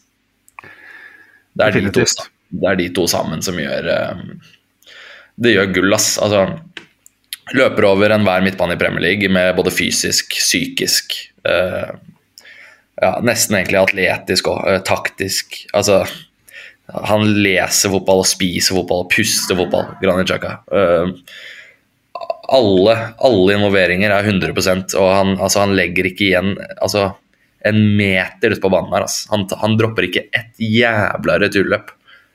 Og de spillerne må du ha i et tittelvinnende lag som er et kollektiv, da, framfor noe annet. Vi har jo ikke noe Braut og De Bruyne som bare leker. Nei, du har jo helt rett i det du sier, eh, Sivert. Sjaka så jo litt sånn som Ben White egentlig for noen uker siden, så litt prega ut. Eh, men kanskje igjen da, med den introduksjonen av Trossard har frigjort veldig mye rom på den venstresida vår. Du eh, ser på en måte at samtlige av de spillerne som holder til der ute, virker å ha fått seg en oppsving. Så det er kanskje så enkelt som at uh, forholdene ligger mer til rette for å, være den Granit Xhaka som, som, vi kjente fra før, før VM. Altså han, han kommer jo veldig mye oftere i de posisjonene hvor han kan eh, foreta seg noe, kontra hva han gjorde for noen uker siden. Og fortsatt så ser du at han ikke er eh, eh Messi når han får ballen eh, der noen ganger, men han ut ifra nivået han har innen teknisk, så får han til jævla mye, da. Eh, og er en del av ryggraden i laget her. Um, fire Nei, 3-1 kommer jo. Eh, og da var jo en liten del av meg litt sånn småbekymra. Tenkte hva slags Palace er det de møter her? Hvor mye energi har de egentlig? Eh, hvor lite energi har vi etter 120 på torsdag? Eh, men det gikk heldigvis bra, det, da. Men defensiv dødball Jeg vet ikke, vi gikk vel en, nesten en sesong i fjor uten å slippe inn. Det var, var det ett mål vi slapp på, på hele fjorårssesongen, på corner. Det var noe sånt. Én eller to maks. Eh, nå slipper vi snart inn en gang i uka. Eh, hvordan så du den eh, baklengsen der? Nei, Jeg brydde meg ikke noe egentlig om sånn framover i tid eh, og for kampen. Så brydde jeg meg ikke. Det tenkte jeg at det var i boks. Men det er bare hele det der narrativet med at vi har blitt så dårlige på defensiv dødball. Det er det som irriterer meg. at ah, Kan vi ikke bare få bukt med det greiene der, liksom? Det er jo, det er jo bare piss, ikke sant. Og altså, en corner er jo en corner, på en måte. Det kunne jo skjedd på 0-0 også. Altså, det er kampen en helt annen. Så det må vi bare få luka ut. Altså. Det er eh, det er ikke bra nok, rett og slett. Eh, Jeg veit ikke hva det er, om det er en faktor eller om det er tilfeldigheter. Det- Det kan det jo ikke være, riktignok. Det skjer jo altfor ofte nå. Men eh, nei, jeg velger å ikke henge meg altfor mye opp i det, eh, egentlig. Altså. Det er det er et halvt sekund hvor du ikke henger med, da. Eller eh, tar en feil avgjørelse eller står litt på feil fot. Så har du sluppet inn på dødball. Så det er, de må bare finne ut av de greiene der. Så se videre. Ja, for det, igjen da, så s- ser vi på en måte en, en spiller som vi anser for å være eh, bautaen eh, i lufta defensivt i, i, Gabriel, eh, som da havner bak eh, er det Olise, eller hvem er det han havner bak der? Eh, nei, det er ikke han som skårer, det er Slupp selvfølgelig som skårer. Eh, og da er det Are NH, at Nico7ØH på Twitter skriver til oss skjønner ikke hvorfor Gabriel drar bort Ødegaard ved det baklengsmålet. Drar han i trøya så Ødegaard ikke får i hvert fall en bedre forsøk på å hindre baklengsmålet. Eh, Så, så du det han sikter til der? At, eh, at Gabriel drar bort Ødegaard, rett og slett? Nei, skal være ærlig, jeg gjorde ikke det. Jeg så han skrev det egentlig ganske rett etterpå, men jeg, jeg, jeg har ikke sett det. Uh, og jeg så jo situasjonen flere ganger. Det ble jo VAR-sjekka og alt mulig. Jeg så ingen, jeg så ingen feil. Nei, Eh. det burde vi kanskje ha kikka på før vi tok med oss innspillet, men um, Nei, men altså, Det er jo poenget, da. At eh, ting skjer veldig på et, altså, et sekund. Og Gabrielsson tar en feilvurdering, et eller annet, så er det mål imot på, på defensiv dødball. Og Ødegaard har jo vært innblanda i å være litt uh, veik i feltet tidligere. Uh, det er jo ikke der han på en måte skal uh, briljere. Men nei, jeg veit ikke, jeg vet ikke hva det er. som helst, Det der defensive dødballgreiene det her begynner å irritere meg litt. Men uh, det er klart så lenge det skjer på 3-0 på hjemmebane, så går det jo greit. Men Jeg får bare se framover, egentlig. Være litt uh, Jeg veit ikke. det er jo et våpenkappløp. Det defensiv dødball, eller dødball generelt. Um, man starter med et utgangspunkt, og man har kanskje klekka ut en god plan i løpet av sommeren. Um, og flyter godt på det. Uh, og så blir man gjennomskua. Så adder motstanderen et nytt våpen eh, for å kontre det. Eh, og så har man bare tre-fire dager på feltet mellom hver, hver match. Eh, når det stormer som verst, hvor mye tid har man til å terpe på slike ting? Hvor i forkant kan man være? Hvor, hvor lett kan man respondere på noe sånt? Eh, hvor, hvor hurtig kan man legge til et, et nytt element i sitt arsenal, eh, sånn sett. da. Det å skulle endre noe fundamentalt i hvordan man angriper defensiv dødball eh, midt i en sesong, er ikke enkelt. Eh, og jeg føler jo at kanskje eh, har vi blitt litt gjennomskua. Når flere og flere lykkes mot oss. Vi så jo Everton bare la alle på bakerste stolpe, og så bare dundra inn eh, som, en sånn, eh, som et sånt ekspresstog rett inn i feltet. Eh, jeg så Bournemouth prøvde på noe lignende. Det er, det er klart at Arsenal og Niklas Joffer, som er eh, dødballtrener, må jo nå på en måte sette seg ned og, og se på hva, hva kan vi gjøre for å komme oss foran igjen i det våpenkappløpet som defensiv dødball er. Om man klarer det nå i løpet av innspurten, er vanskelig å si. men så marginalt som det her er, så kan det er sånne småting som kan avgjøre ting. og det, nå har jo de siste kampene ikke vært så marginale igjen. Uh, vi hadde jo noen kamper før det som var ekstremt marginale. Um, jeg føler jo at um, mot Liverpool, mot uh, Newcastle, kanskje mot City Slike ting, det, det er en ting som bekymrer meg litt, at vi ikke har fått retta litt opp i. Eh, Landslagspause er jo et perfekt utgangspunkt for å kunne gjøre det. Eh, så er spørsmålet får man nok tid på feltet da, til, å, til å implementere noe nytt. Eh, hvor mange forskjellige elementer trener man på. Det, det er sånne ting ikke jeg vet, for jeg er ikke der. Men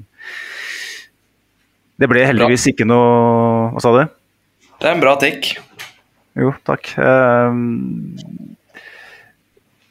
Det er jo heldigvis slik at uh, Palace er såpass lite opp i strupen på oss at vi, vi får vel knapt nok en dødball til imot. Jeg tror ikke vi får noen flere dødballer imot. Uh, Iallfall ikke cornere.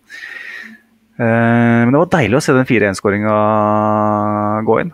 Uh, Det var det. Og altså, det er jo faktisk undersnakka, en undersnakka greie at altså målforskjell kan jo bli avgjørende.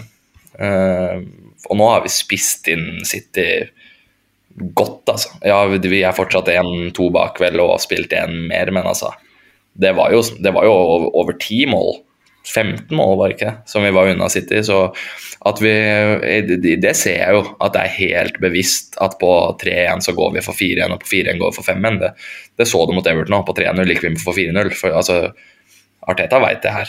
Og altså, den 4-1-skåringen der kan bli jævla viktig, altså. Så det er jo utro, ut, ut, utrolig Og det, det legger et ekstra element i spilleren også. 4-1, liksom. Altså, det er det det her er det City har gjort i fire-fem sesonger. og vært sånn der, Bare spilt hjemme mot Palace og bare most i 4-1. 4-0. Spilt hjemme mot Everton 4-0. Spilt hjemme, mot Nottingham, Forest 5-0. Altså Det her har vi bare sett av City og Liverpool i, i mange år nå. Men egentlig mest City. Som bare maler på og bare maltrakterer mot Altså totalt. altså 4-0, 5-0. Det her er sifre vi ikke har sett på mange år. og at vi gjør det samme, det beviser bare at vi er på det, vi er der vi fortjener å være. Vi har, vi, vi har et nivå som er mye høyere enn en, uh, 17 av lagene i Premier League. Og det viser jo. Ja. eh, Det er derfor det ikke er eh, The Summer of 69, men The Easter of 69 eh, vi snakker om nå. Og mm, veldig, veldig fortjent at vi har både målforskjellen og poengfangsten. Et annet element ved den skåringa er jo at Kieran Tierney er mannen som slår assisten. Eh, Fleskspurven som var i London i dag, faktisk, eh, og så match, eh, som han skriver til oss. Han skriver har sagt det før og sier det igjen. Alle spiller sin rolle denne sesongen. KT og Holding er, eh, som vi påpekte i vår, i vår post etter match, solide i dag, skriver han. Arteta får maks ut av laget. Fy søren for et blikk. Ro, trygghet og smarte grep Party har i dag. Må være årets defensive midtbanespiller i Premier League. Og det, han har mange gode takes her, men det var Tierney jeg var ute etter. og alle skal med. Eh, alle skal få. Eh, vi har snakka om at eh, Jorginho som kommer inn fra Chelsea, han må få lov til å være med og bidra. Umiddelbart fikk lov til å gjøre det. Trossard kommer inn fra, fra Brighton. Du ser ikke noe åpenbar posisjon til med alle skadefri, men alle skadefri, det er i motsetning til det Ten Hag påstår, ikke noe som er til, tilfellet i Arsenal. Eh, og alt har fått spille mye og fått lov til å bidra. Rob Holding sitter på bakrommet og tvinner tommeltotter hele sesongen. Kommer inn nå og får lov til å bidra. Og Kieran Tini, ikke minst, da, som alle har snakket om at han har et negativt kroppsspråk. Arteta bruker han ikke. Eh, han er på vei ut, Newcastle han. Og fyren eh, sitter med Tesco-posen sin og, klør seg på pungen og lurer på hva faen skal jeg gjøre resten av sesongen. Så kommer han inn i dag og er kjempegod. Får en assist. Nesten en til. Eh, vinner masse dueller defensivt og viser seg som en svært nyttig brikke i en, en fotballkamp som på 3-1 kunne ha vippa litt andre veien, altså i form av at Palace kunne ha fått 3-2, og da vet du aldri. Spesielt med 120 minutter i beina. Fanta et fantastisk bidrag fra en spiller som mange har ønska å avskrive. Eh, jeg vet ikke hva du har å legge til på det. Ja, han fikk 25 minutter, og det var 25 sinnssykt bra minutter. Og er det én ting vi kan ta ut av det, som, er, som ikke er rasisten, som ikke er de sugne løpene og som ikke er eh, gjenvinningene, så er det det at han er 110 holdt jeg på å si. Det går ikke. Men uh, altså, han er Han er uh, committed, hva er det på norsk? Uh, altså, han, altså, han sitter, ja. Ja, ja, han, er, han er 100% forplikta til Arsenal. Altså, han sitter ikke og ser på de andre gutta kose seg. han går ikke sist han, kom, han ankommer ikke sist i trening, han for å si det sånn. Uh, han driver ikke og lunter rundt på Colony og er forbanna. Han, altså, han er 100% profesjonell, og han kom inn og var sinnssykt god i dag. Og altså, Det er jo snakk om overgang til Newcastle for 30-40 millioner pund. Altså, han er jo verdt eh, store penger. Han, han er jo dritgod. Vi, vi bruker jo øh, venstrebekken vår uh, som en litt annen brikke. da. Men i et Newcastle-lag f.eks. så vil jeg se, se, for meg at han passer perfekt. altså. Mm. Komme, få litt rom på kanten og komme på de overlappene. Altså, han er jo en dritgod bekk, Liksom. Han er uh, Premier League klasse pluss. altså Utrolig god. Så at han kan komme inn og vise seg fram og, og føle litt på det. utrolig deilig. Hvor viktig er det at, um, at han får lov til å vise seg fram. At uh, Kivior eh, får komme inn i dag, at uh, MKT har fått lov til å, å, å bidra. Altså, Reece Nelson, ikke minst. Hvor viktig er det um, når vi går inn nå de siste to månedene? Nei, det er, altså, det er, jo avgjørende. Det er jo helt avgjørende. Uh, altså, Nel, det er jo ingen som hadde snakka om Nelson før sesongen, og så kommer og skårer han to mot Forrest, og da hadde vi ganske god kontroll. Da. Men altså, den skåringa mot Bournemouth den uh, vinner oss jo potensielt sett Premier League, da. Ikke sant? Mm. Uh, altså, vi trenger de gutta her, og, og, vi trenger at de har selvtillit nok til å Nelson, da, eksempel, når han kommer inn mot Bournemouth og vi trenger to skåringer, at han faktisk klarer å gå inn i huet sitt da, og tenke Jeg er jo han mannen, det, som kan komme inn og endre den kampen her. Jeg er god nok. Jeg kan komme inn og, og vinne kampen for Arsenal, for, for laget som leder Premier League. Klarer Nelson, Terni Uh, nå er Tomiyasu skada, men ja. Nelson, Terni, Enketia, Ivior, uh, Jorginho. Psykisk å være så til stede som de elleve som alltid starter, som vi vet Arteta vil skal starte, og som er best. Klarer de å være på det samme mentale nivået som uh, alle, alle 20, så vinner man jo Premier League. Det er jo så enkelt som det. De, de har ikke de samme attributtene fysisk og, og sånn der. Altså det er f.eks. Saka og Nelson eller Zinchenko og Tierney, det er en som er kanskje best i Europa, og så er det en som er ganske god. De er jo ikke i nærheten av hverandre, men at de kan føle selv at her kan jeg bli bytta inn for Zinchenko og faen meg avgjøre kampen for Arsenal. Der må vi være. Jeg brukte mange ord for å si lite, men eh, ja.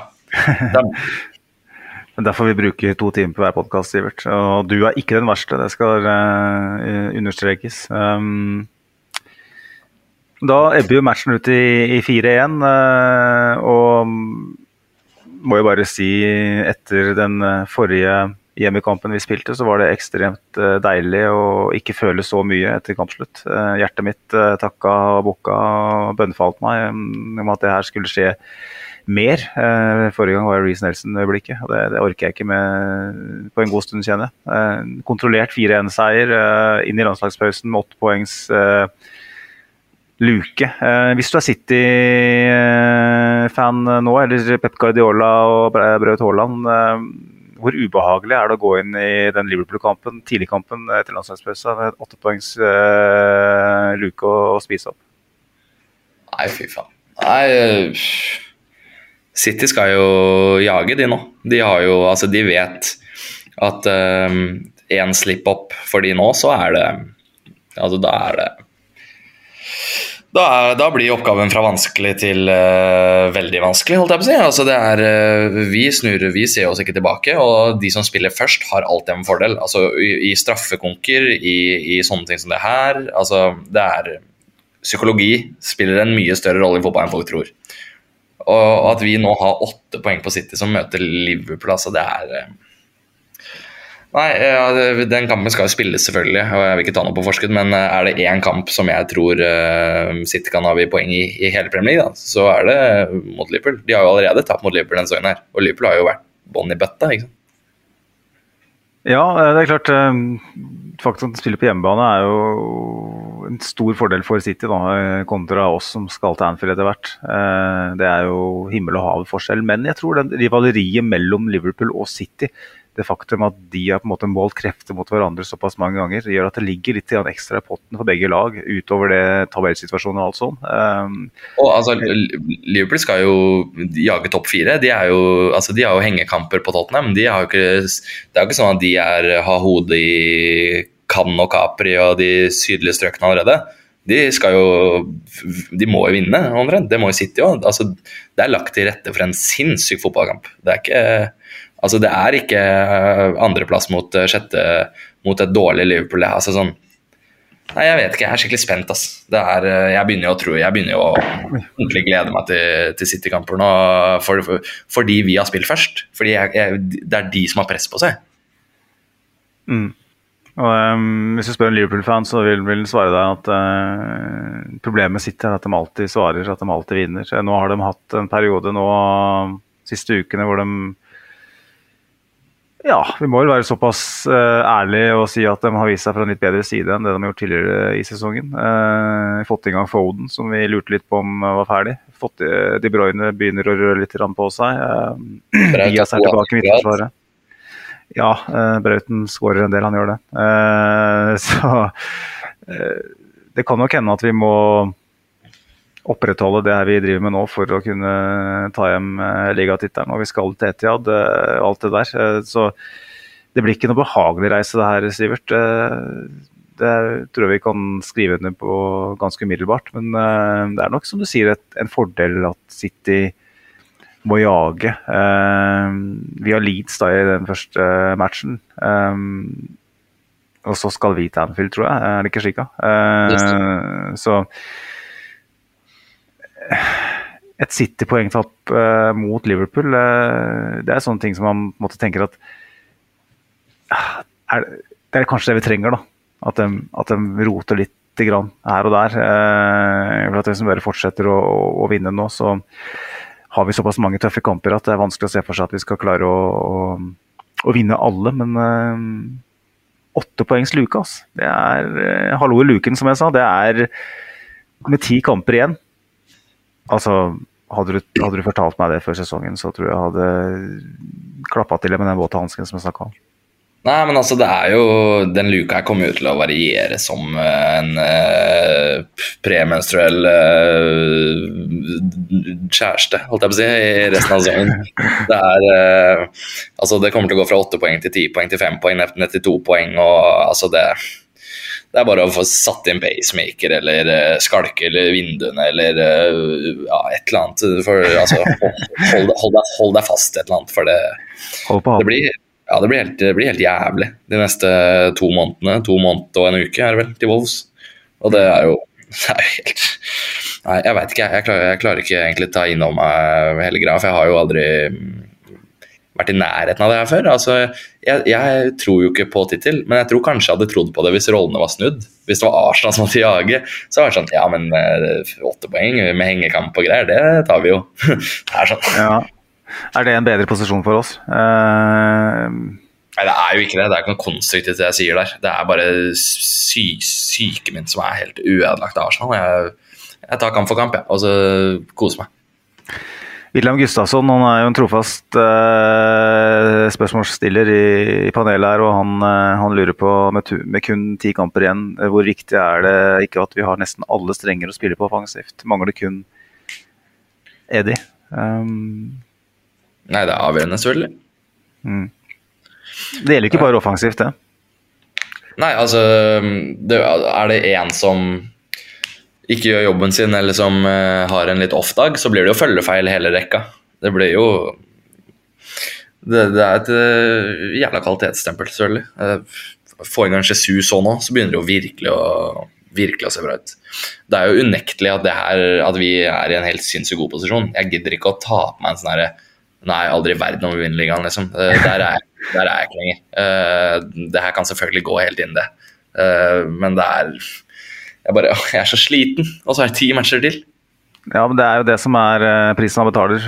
i En, en gullkamp, og du har vel nesten ikke vært med på det. det eh, Stakkar deg, som eh, er en generasjon eh, yngre enn meg, nesten, sånn sett. Eh, det er ekstremt tappende å, å, å, måtte være med på, men det er det man ønsker. litt tilbake til William sitt poeng da, med det å ha en clean slate fysisk. Sånn gjennomgående så må man jo si det, da. At det som skiller det her fra f.eks. 07-08, da, som har vært min sånn eh, parallell til denne sesongen her hele veien. Vi hadde jo en e egen episode om det faktisk for noen uker siden, eller måneder siden, hvor vi snakka om likhetene mellom den her og, og 0708. Um, er jo det at vi har noen sånne evighetsmaskiner i det laget her.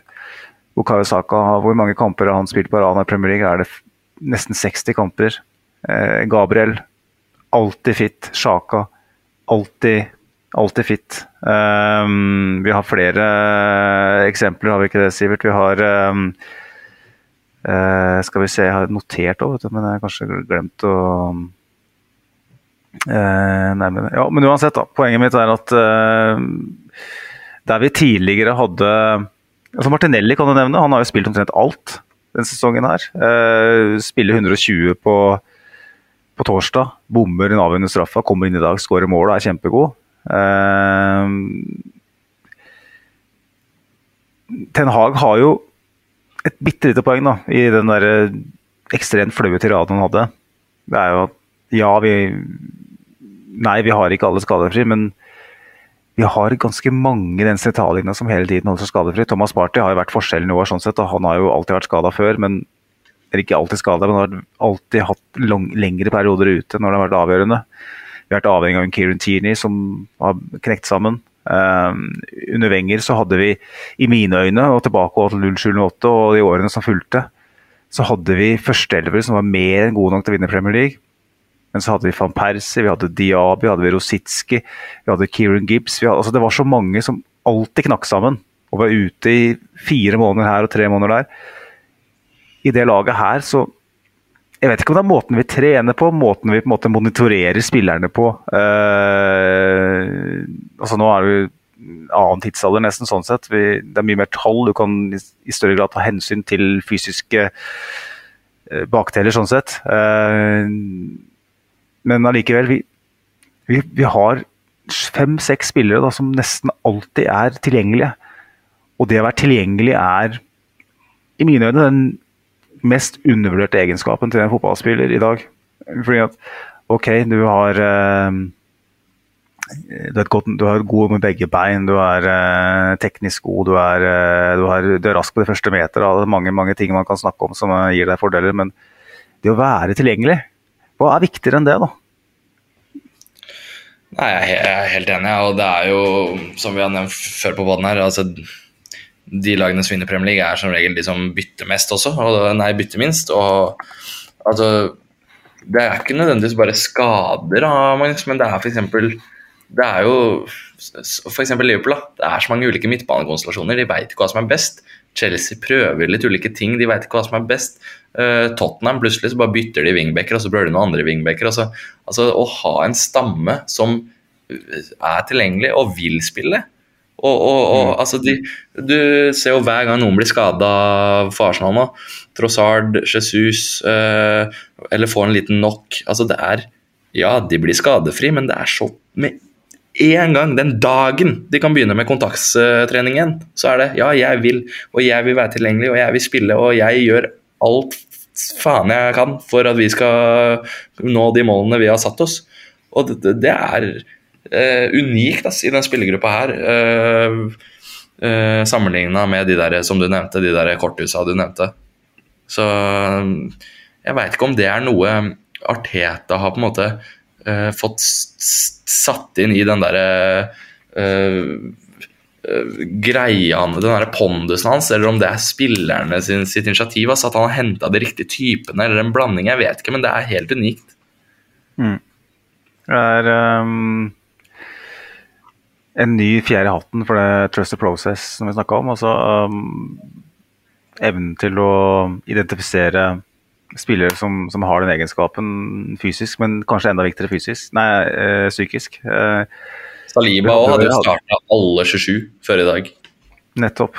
Og det stoppeparet som er kanskje ikke bare kanskje, det er det beste i Premier League. som har starta alle, ikke sant. Eh, Det har så ekstremt mye å si. og eh, Vi hadde jo en, en, en av mine favoritter som eh, drev i München og spiste bratwurst og spilte e-sport eh, når vi spilte bort mot Newcastle og Stoke og sånn, for han gadd ikke å reise på bortekamper og hadde en liten kjenning i ryggen. ikke sant. Det var sånn var en kultur da, som ikke var forenlig med å, å, å kjempe om titler. Um, det var en ukultur i Arsenal som regjerte, rett og slett. Og regjerte over lang, lang tid. De beste spillerne våre, Mange av de beste spillerne våre bidro til det.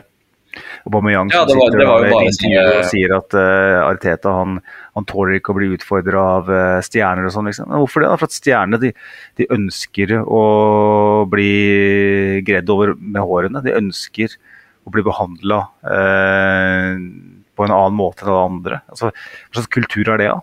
Hva, hva, hva er unikt med City, da? Ok, Haaland er kanskje en, et unntak sånn sett, med tanke på transferpolitikken deres. altså Han henter inn en sånn verdensstjerne på det nivået som på en måte har 25 millioner eh, følgere på Instagram før han omtrent har lært seg å bruke smokk. Og så, Det er ikke likt City å gjøre det, men utover det så har de liksom henta spillere til sånn mellom 40 og 60 millioner pund hele veien. da. De har ikke henta den til 80 og 100. fordi at Pep Guardiola er såpass eh, opptatt av kulturen i, i spillergruppa at han henter ikke de der Pogbaene eller Øzilerne, for å si det sånn, som jeg igjen er glad i. Det, og det, det tror vi ser igjen i realiteten. Han har nok åpenbart lært mye eh, under Pep, og åpenbart vært en del av ukulturen i, i Arsenal. Ikke, ikke en del av i den forstand at han har bidratt til det, men han har, har sett det med egne øyne.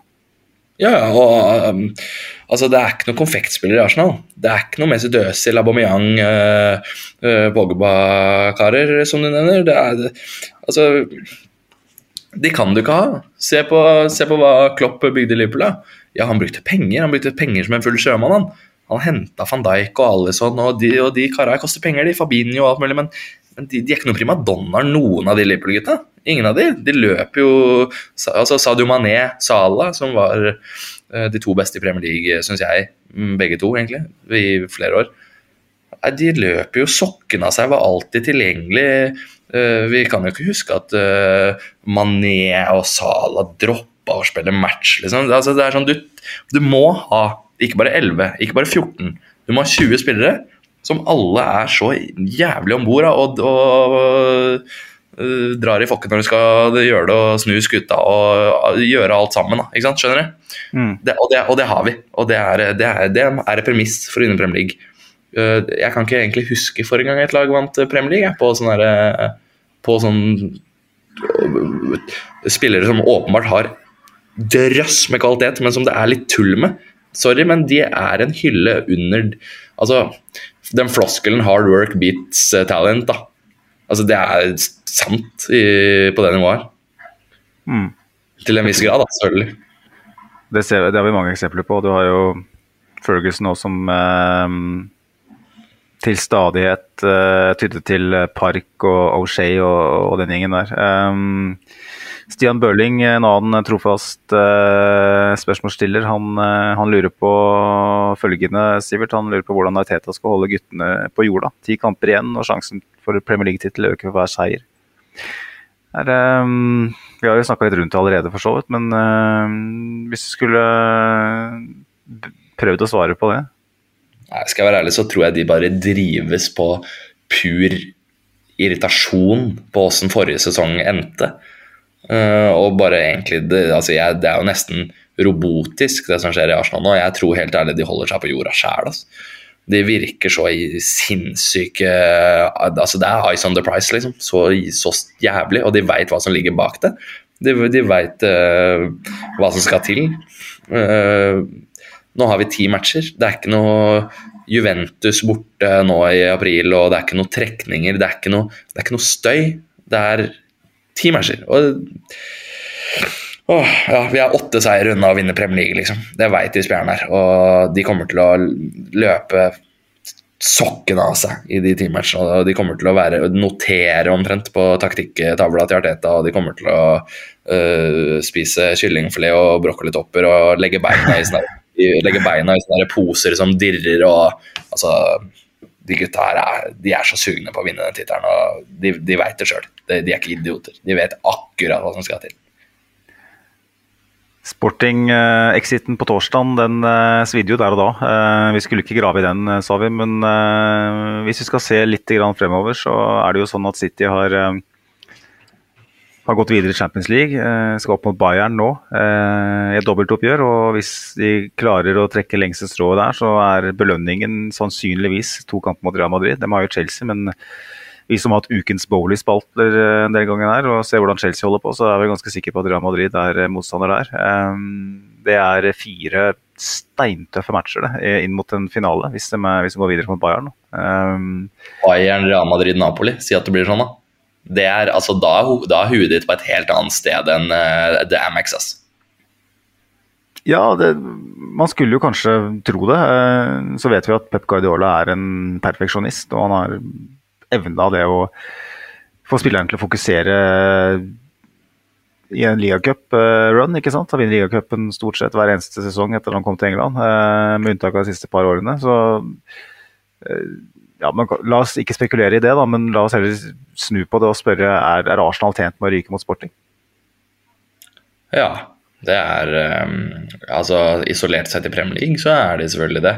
Jeg så intervju med Ødegaard. Han sa at um, det var jo kjipt der og da, selvfølgelig. Det var en turnering de ville vinne, og det er et trofé, og de rangerer det høyt, liksom. Det var litt dritt. Men uh, det var en fordel å spille færre kamper, da, hvis man kunne si det. Så Ødegaard, og det er, det er en måte å kamuflere det på, selvfølgelig, fra hans side, men jeg hadde jo både fly og hotell til Budapest, liksom. Jeg var jo dritkeen på en finale der selv, men hvis vi liksom stopper litt opp, leser litt på statistikken, leser litt på ser litt på programmet til City, sammenligner det med restitusjonsdagene vi får, og sånne ting, så var det jo mm. blessing in disguise. Uh, uh, isolert sett på å vinne Premier League, så var jo det egentlig avgjørende, nesten, vil jeg si. Ja. Eh, Timevill show, for så vidt, men eh, jeg kan ikke si at det var lett da når uh, Martinelli, Martinelli brant straffa si, men det var litt med den der dramaturgien i den sportingkampen og en påminnelse om måte, hva det koster å spille Europaliga, eh, eller Europacup, et dobbeltoppgjør, eh, mot lag som kanskje har det som sitt hovedfokus. Det var jo åpenbart at Sporting hadde det. Eh, det er åpenbart at Manchester United ville hatt det hvis vi hadde møtt dem i en semifinale f.eks. Juventus ligger vel òg akterutseilt til i Serie A, så hvis vi hadde møtt dem i en kvartfinale, så ville de ha hatt fullt fokus på det.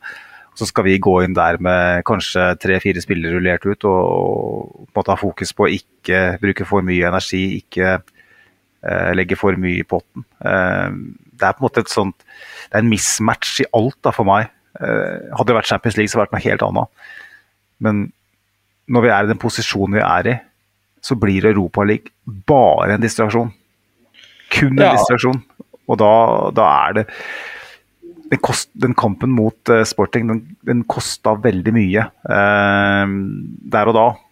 Uh, kosta kanskje bitte litt mindre enn det vi frykta med tanke på at vi vant mot Paris nå på søndag. Uh, men Tomiyasu kanskje ut resten av sesongen. altså Den, den vridningen i kneet så ikke bra ut. Saliba aner ikke hvor lenge han er ute.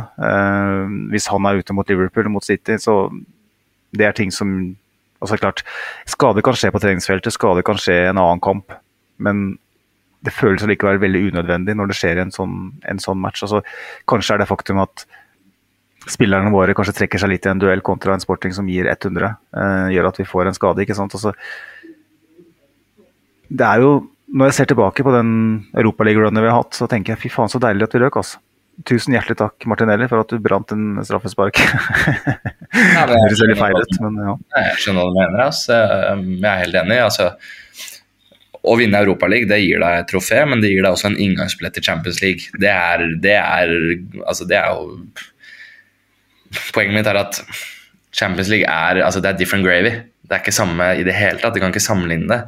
Eh, det er, altså, hadde vi ryket mot uh, Uansett om det er Sporting eller Real Madrid uh, i Champions League mens vi var i, i, samme situasjon, så hadde jeg vært dritsur, liksom. Altså, det er ikke samme turnering i det hele tatt. Europaligaen, det er som de sier. Vi trenger ikke dvele mer med det. det. det. ble bare en distraksjon når det går som det går i ligaen. Europaligaen er jo en turnering laget for de nest beste. Å, å være best og spille med de nest beste, det blir liksom bare eh, tar jo bare opp tid, ikke sant. Vi, er, vi skal jo vinne Premier League. Det er jo Fokuset ligger der. Det sier jo spillerne også. Det er mulig, vi vil ha det trofeet. Ja, da skal vi jo ikke ut til Portugal og til Torino og spille da, de siste to månedene. Vær hjemme og prep eh, mot eh, kamper for, mot Pep. Det er jo det som er eh, som på en måte er mantraet hele veien. og Jeg kan ikke se noe an- annet enn fordeler med å, å slippe å ut i de matchene. og Spesielt som jeg sa mot United, eventuelt en semifinale, hvis vi hadde kommet så langt. Det hadde vært så ekstremt tappende. for at Da hadde Lisandro og Bruno og alle der måtte ha hatt, det hadde vært deres greie, ikke sant? mens vi kommer der og liksom Hvordan kan vi klare å komme oss videre her uten å, å bruke for mye energi? Det er, eh, det er ekstremt deilig å slippe. Um, Se for deg United-fans hvis de tar trippel i år, da. Jesus. og vi blir nummer to i ligaen. Ja, det er klart at da får vi høre det, men uh, la oss uh, La oss ikke forskuttere der. Um, Tor Arne Vassåsen har også stilt et spørsmål på, på Twitter. Han uh, skriver først fullstendig overkjøring utenom et par kontringer av Palace.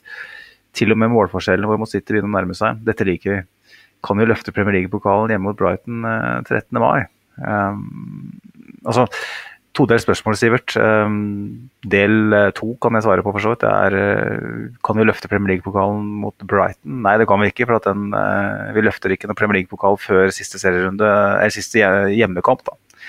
Så hvis vi vinner ligaen mot Brighton, så så vil vi fortsatt ikke løfte noen pokal før Wolverhampton. Det er derfor billettene går for eh, 30 000 på nettet um, mot Wolverhampton.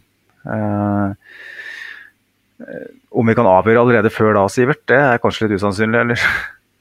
Mm, ja, eller altså, da må vi jo vinne de s- s- syv, eh, kampene Nei, syv kampene. Vi må vinne syv på rad, da.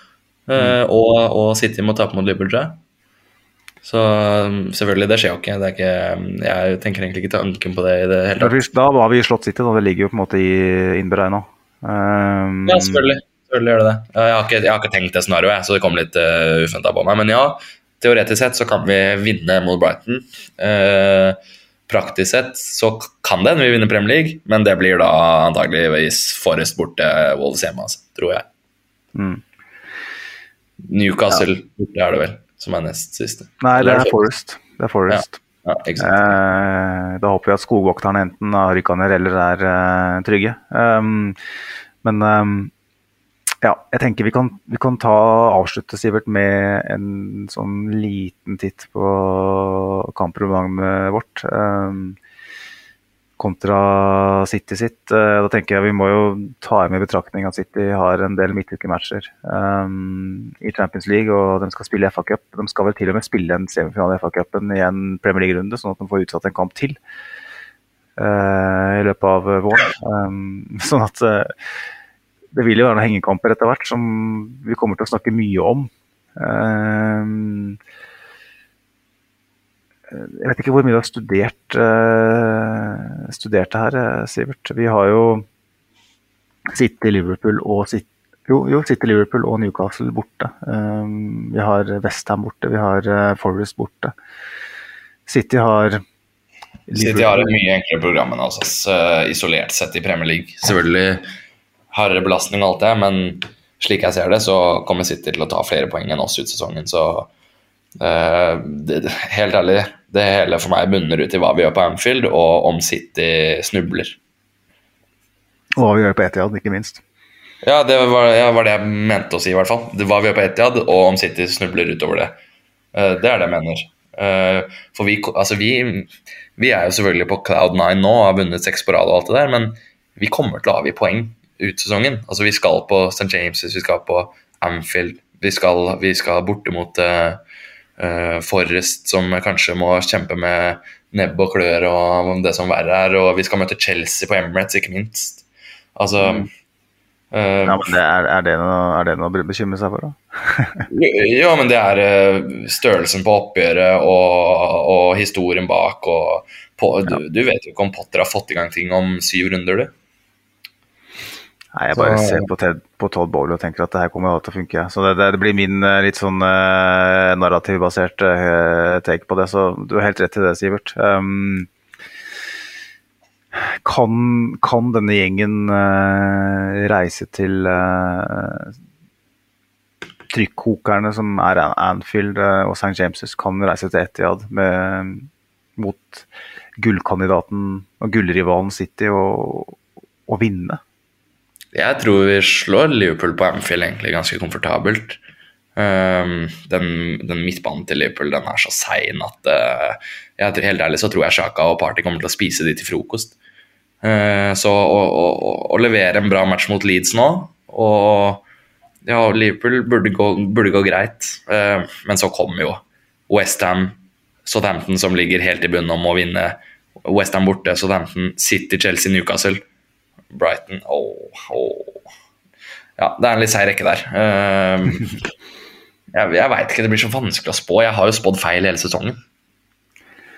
Skal vi Altså, nå har vi Men jeg ser på, jeg ser, jeg ser på det City-greiene her, da. Liverpool borte 9. april. Fire dager senere uh, Torino.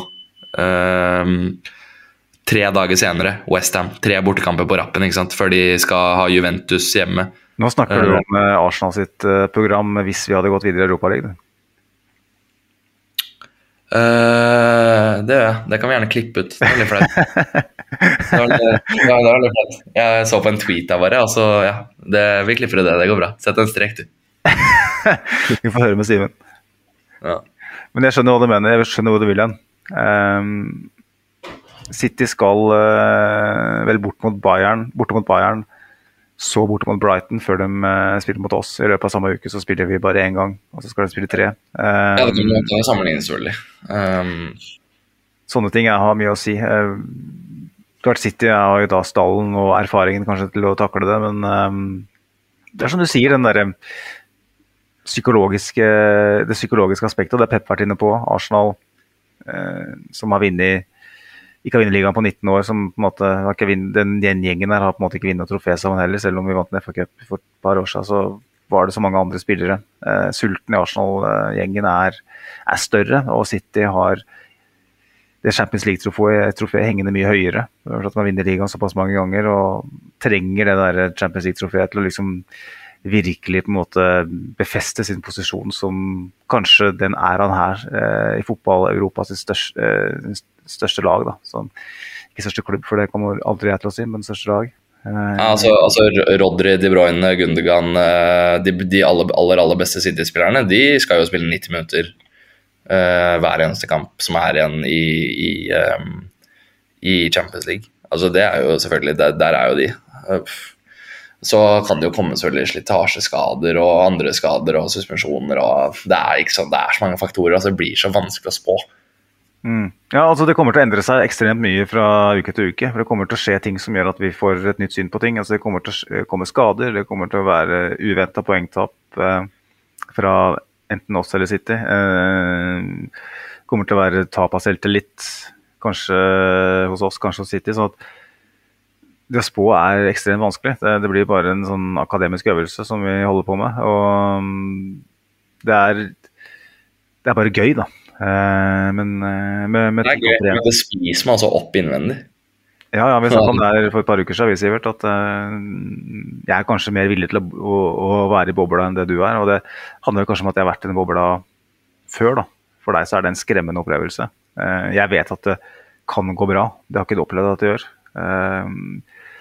Jeg vet òg at det kan gå til helvete, så jeg, jeg har på en måte muligheten til å ta, innta rollen som brent barn òg, men jeg tror det er viktig å, å, viktig å prøve å, å dykke litt i det. Kaste seg litt ut i det og prøve å leve i det. Og så vet vi at um, at den stallen er så, er så sterk, uh, og at det er et såpass fremadstormende ungt lag og en manager som kanskje er det største managertalentet i Europa per nå. sånn at Prøv ikke å være så redd for at det skal gå til helvete. Uh, Ja. Det kan ordne seg på sikt uansett. Altså, det, det tar så mye av meg, og jeg, jeg, er jo, jeg leser jo om alle statistikker og øh, åssen vi har gjort det der, og vi må bare vinne der og få 20 av 26 poeng der. Og, altså, det, det er ikke sunt. Altså er, jeg hadde jo en vits eh, for litt siden om at jeg kommer til å møte på intervju da, hos, eh, neste gang jeg skal bytte jobb hos en arbeidsgiver om eh, et par år. Kommer til, han kommer til å si at eh, disse karakterene her, plettfrie, topp A og B, og du snakker godt for deg. Kjekk ung mann og ingen sykedager fra tidligere arbeidsforhold og gode referanser, og du er jo en uh, veldig bra mann. Skulle, har, lyst til, har lyst til å ansette deg, men, men hvorfor har du er i de fagene her, da? Hvorfor har du så dårlig oppmøte akkurat uh, de her? Nei, jo, for den, da må jeg bare stutre og få fram at den våren her var jo var litt spesiell for meg, og kjedelige greier, da. Det er ikke noe sykdom i nær familie eller noe, det er bare Arsenal. Altså, det går jo utover skole og søvn og jobb og uh, familietid og jeg, leser, jeg er jo bare på Twitter. Jeg, har jo, jeg har jo to og en halv time skjermtid på Twitter om dagen. Ja, nei, Det kommer litt an på arbeidsgiver. tenker jeg. Hvis du har en sjef som eh, forstår deg, så er du sikra toppjobb. Eh, hvis du er en som ikke forstår deg, så er det sånn styr unna. Jeg vet ikke hvor mye det ble nevnt, Jeg vet ikke hvor åpen du er når det gjelder din egen situasjon arbeidsmessig nå, men eh, du har vel Det vil ikke du og søker noen jobber? Jo, jeg har jo fått meg jobb i Polet nå. Så Ja, det blir jo. Det er litt sånn bukken og, havre, bukken og havresekken, spør du meg. Eh, men eh, det må jo være en fin mulighet med tanke på å overleve det her. Ja, da må jeg, ja, jeg glemmer å spytte litt i bøtta nå i april og mai. Og, nei, det må jo sette meg litt Det kan jo hende jeg må sette meg litt ekstra inn i museene, da. For det kan jo hende det skal poppes nå i mai. Eh, Det hadde jo Nei, det hadde jo vært helt ja, ja, ja. Som du skjønner, så har jeg begynt å skjønne at det er en realitet. Jeg, vi kan godt vinne ligaen, vi, altså, Det er helt mulig. Men det er, det er så mye detaljer og, og. Jeg, jeg veit ikke hvor mye jeg skal utbrodere om det. Jeg har sagt det 10 000 ganger før. Jeg bare enjoy the ride, og det gjør jeg virkelig òg. Jeg digger det, liksom. Ja, Sende melding. Du er jo, du er jo vin, vinmann og polmann, eh, polfarer sånn sett, og jeg det er en del av ølguttene.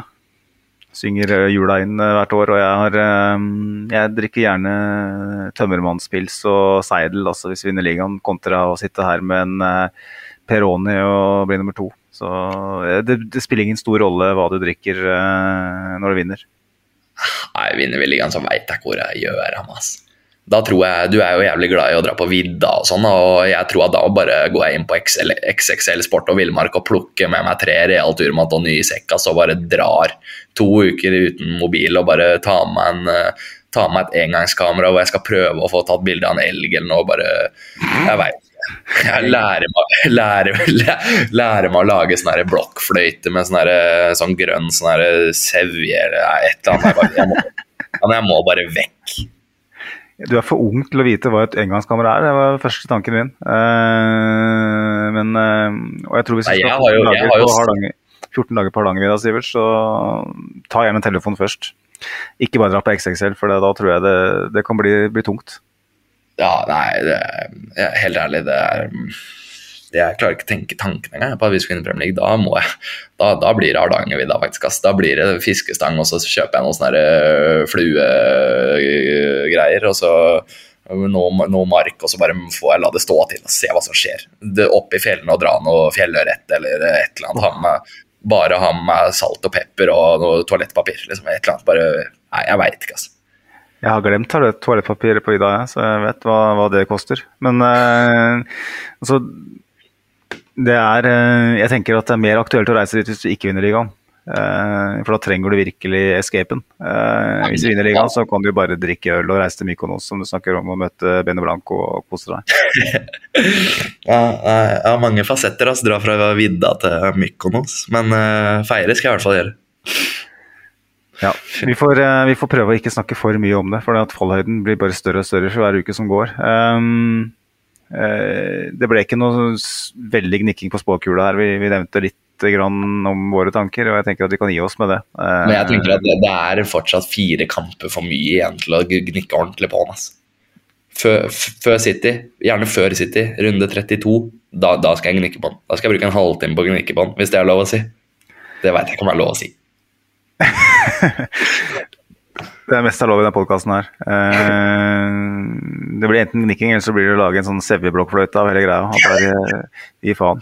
Men, eh, men det, vi lar det være med det. Jeg tenker at vi lover en podkast i løpet av landslagspausen. Vi har, vi har ikke helt spikra opplegget, men håper det kunne komme noe kult da.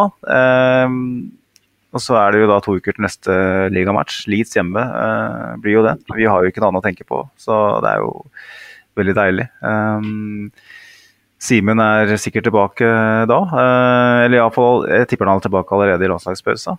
Uh, sitter bare og krysser alt som heter av dem for at det ikke kommer skader. Det er jo alt det handler om nå. Jeg driter i om Norge vinner. og jeg i blanke så lenge Ødegaard kommer tilbake fit. Alt handler om eh, Premier League og Arsenal. og og vi, vi må jo bidra til at det fortsetter, og da har vi noen sosiale medier eh, Sivert, som vi kan eh, kanskje friste med. Vi har det. At Pod Arsenal på Twitter, Arsenal Station Pod på Facebook. De er jo ganske mye av samme innhold, men det er på Twitter vi gjerne svarer på reaksjoner, legger ut info og, og retwitter årene her. Og så har vi jo um, Magic Johnson 99, uh, klasse Twitter-profil. Og så har vi um, David Ornstein. Sånn, det er de tre jeg vil fremme. Takk.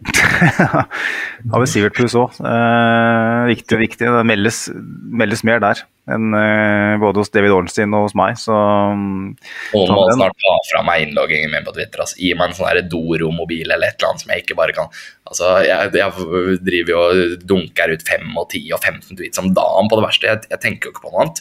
Jeg står og lager uh, rundstykke med italiensk salat og kokt skinke til frokost, og så tenker jeg bare på at uh, å, Ben White han er jo jævla god. Gå inn på Twitter, da. Post. Ben White er jævla god. Ut. Altså, det er, jo, det er jo Noen ganger så er det bra takes, på andre ganger så er det bare for å ha noen å dele det med. Fordi altså, dette er, Om det er Arsenal eller depresjon eller hva det måtte være, å sitte inne med egne tanker, det er farlig.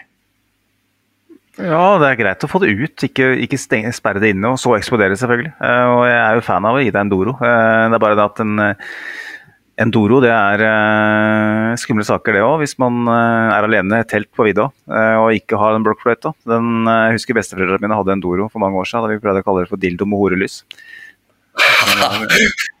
Så det var, det var en form, form, og et lys på den som brakte tankene tilbake til Amsterdam i fordums tid. Men uh, Endoro, du har sikkert blitt jævla god i Snake òg. Er ikke det eneste spillet du har på de telefonene? vi hadde snek på Nokia-telefonen i hvert fall på den tida. Men uh, usikker på om Doro Jeg hadde ikke Doro sjøl. Men um, det er liksom Hvis man havner, havner, havner så ute på det, så er det Seidel, Doro og Toro. Uh, vel bekomme. Seidel drikker jeg ikke. Da drikker jeg heller det der bekkvannet du finner oppå i Hardanger der.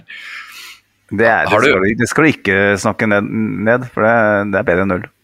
Altså, Jeg er veldig glad i deg, Magnus, men du går jo ikke i fullt alvor på Kiwi og, nei, ikke Kiwi, jo, Kiwi og henter deg seks eller? Det gjør du ikke. Aldri gjort. Nei. Men jeg har vært med og delt en kasse tømmermannspils en gang i tida på et vorspiel fordi at jeg hadde den selv. sjøl. Og det, den, eh, de tømmermennene jeg fikk dagen etter i skallen, har jeg ikke lyst til å tenke tilbake på. Men, eh, Best, Bestemoren til roommaten min hadde vært i Sverige forrige uke, så hun tenkte hun skulle være litt uh, snill da, og ta med et bredt øl til oss, oss gutta hyggelig det, men hun kunne jo i hvert fall gått på systemet. da. Jeg trenger ikke sitte med det 2,8% skvipet hennes, men hun gikk jo ned på nachspiel, det òg, så skal ikke dømme deg. Håper ikke vi sitter her med, med, med, produsent av uh, Seidel, men jeg har en kompis som jobber i bryggeribransjen, og han sier jo at Seidel det er uh, rett og slett svinn. Det er på en måte det, det som er igjen etter å ha brygga andre gode øl, som bare blander sammen. Det er litt som, litt som pølse.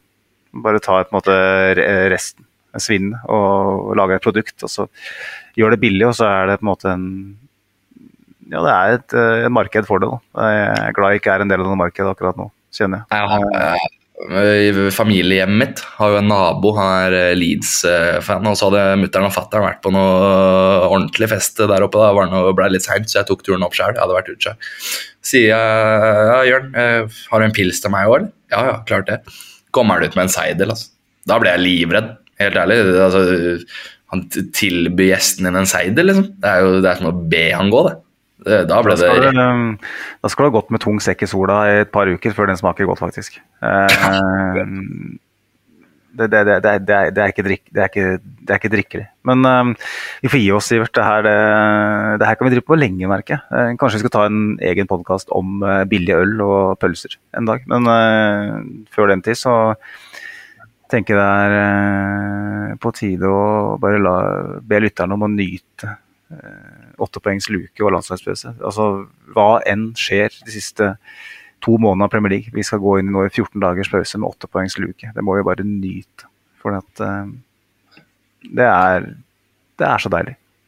Ja, det er helt sykt. Altså, mm, ja, vi må jo bare, egentlig bare bruke landslagspausen på å skjønne hvor langt vi har kommet da, som Mm. klubb og, og alt der. Og nå ser jeg at uh, Oda ikke har real turmat på klikk eller på hjemlevering, så jeg får, jeg får legge på røret her og finne ut hvor jeg skal ned og kjøpe det i morgen tidlig. For uh, vid viddetur blir det, uansett om jeg må eh, flykte eller feire.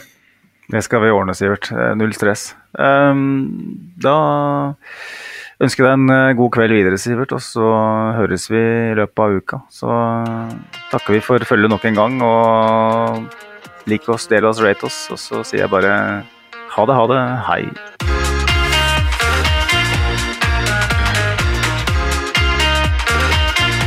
This train terminates here.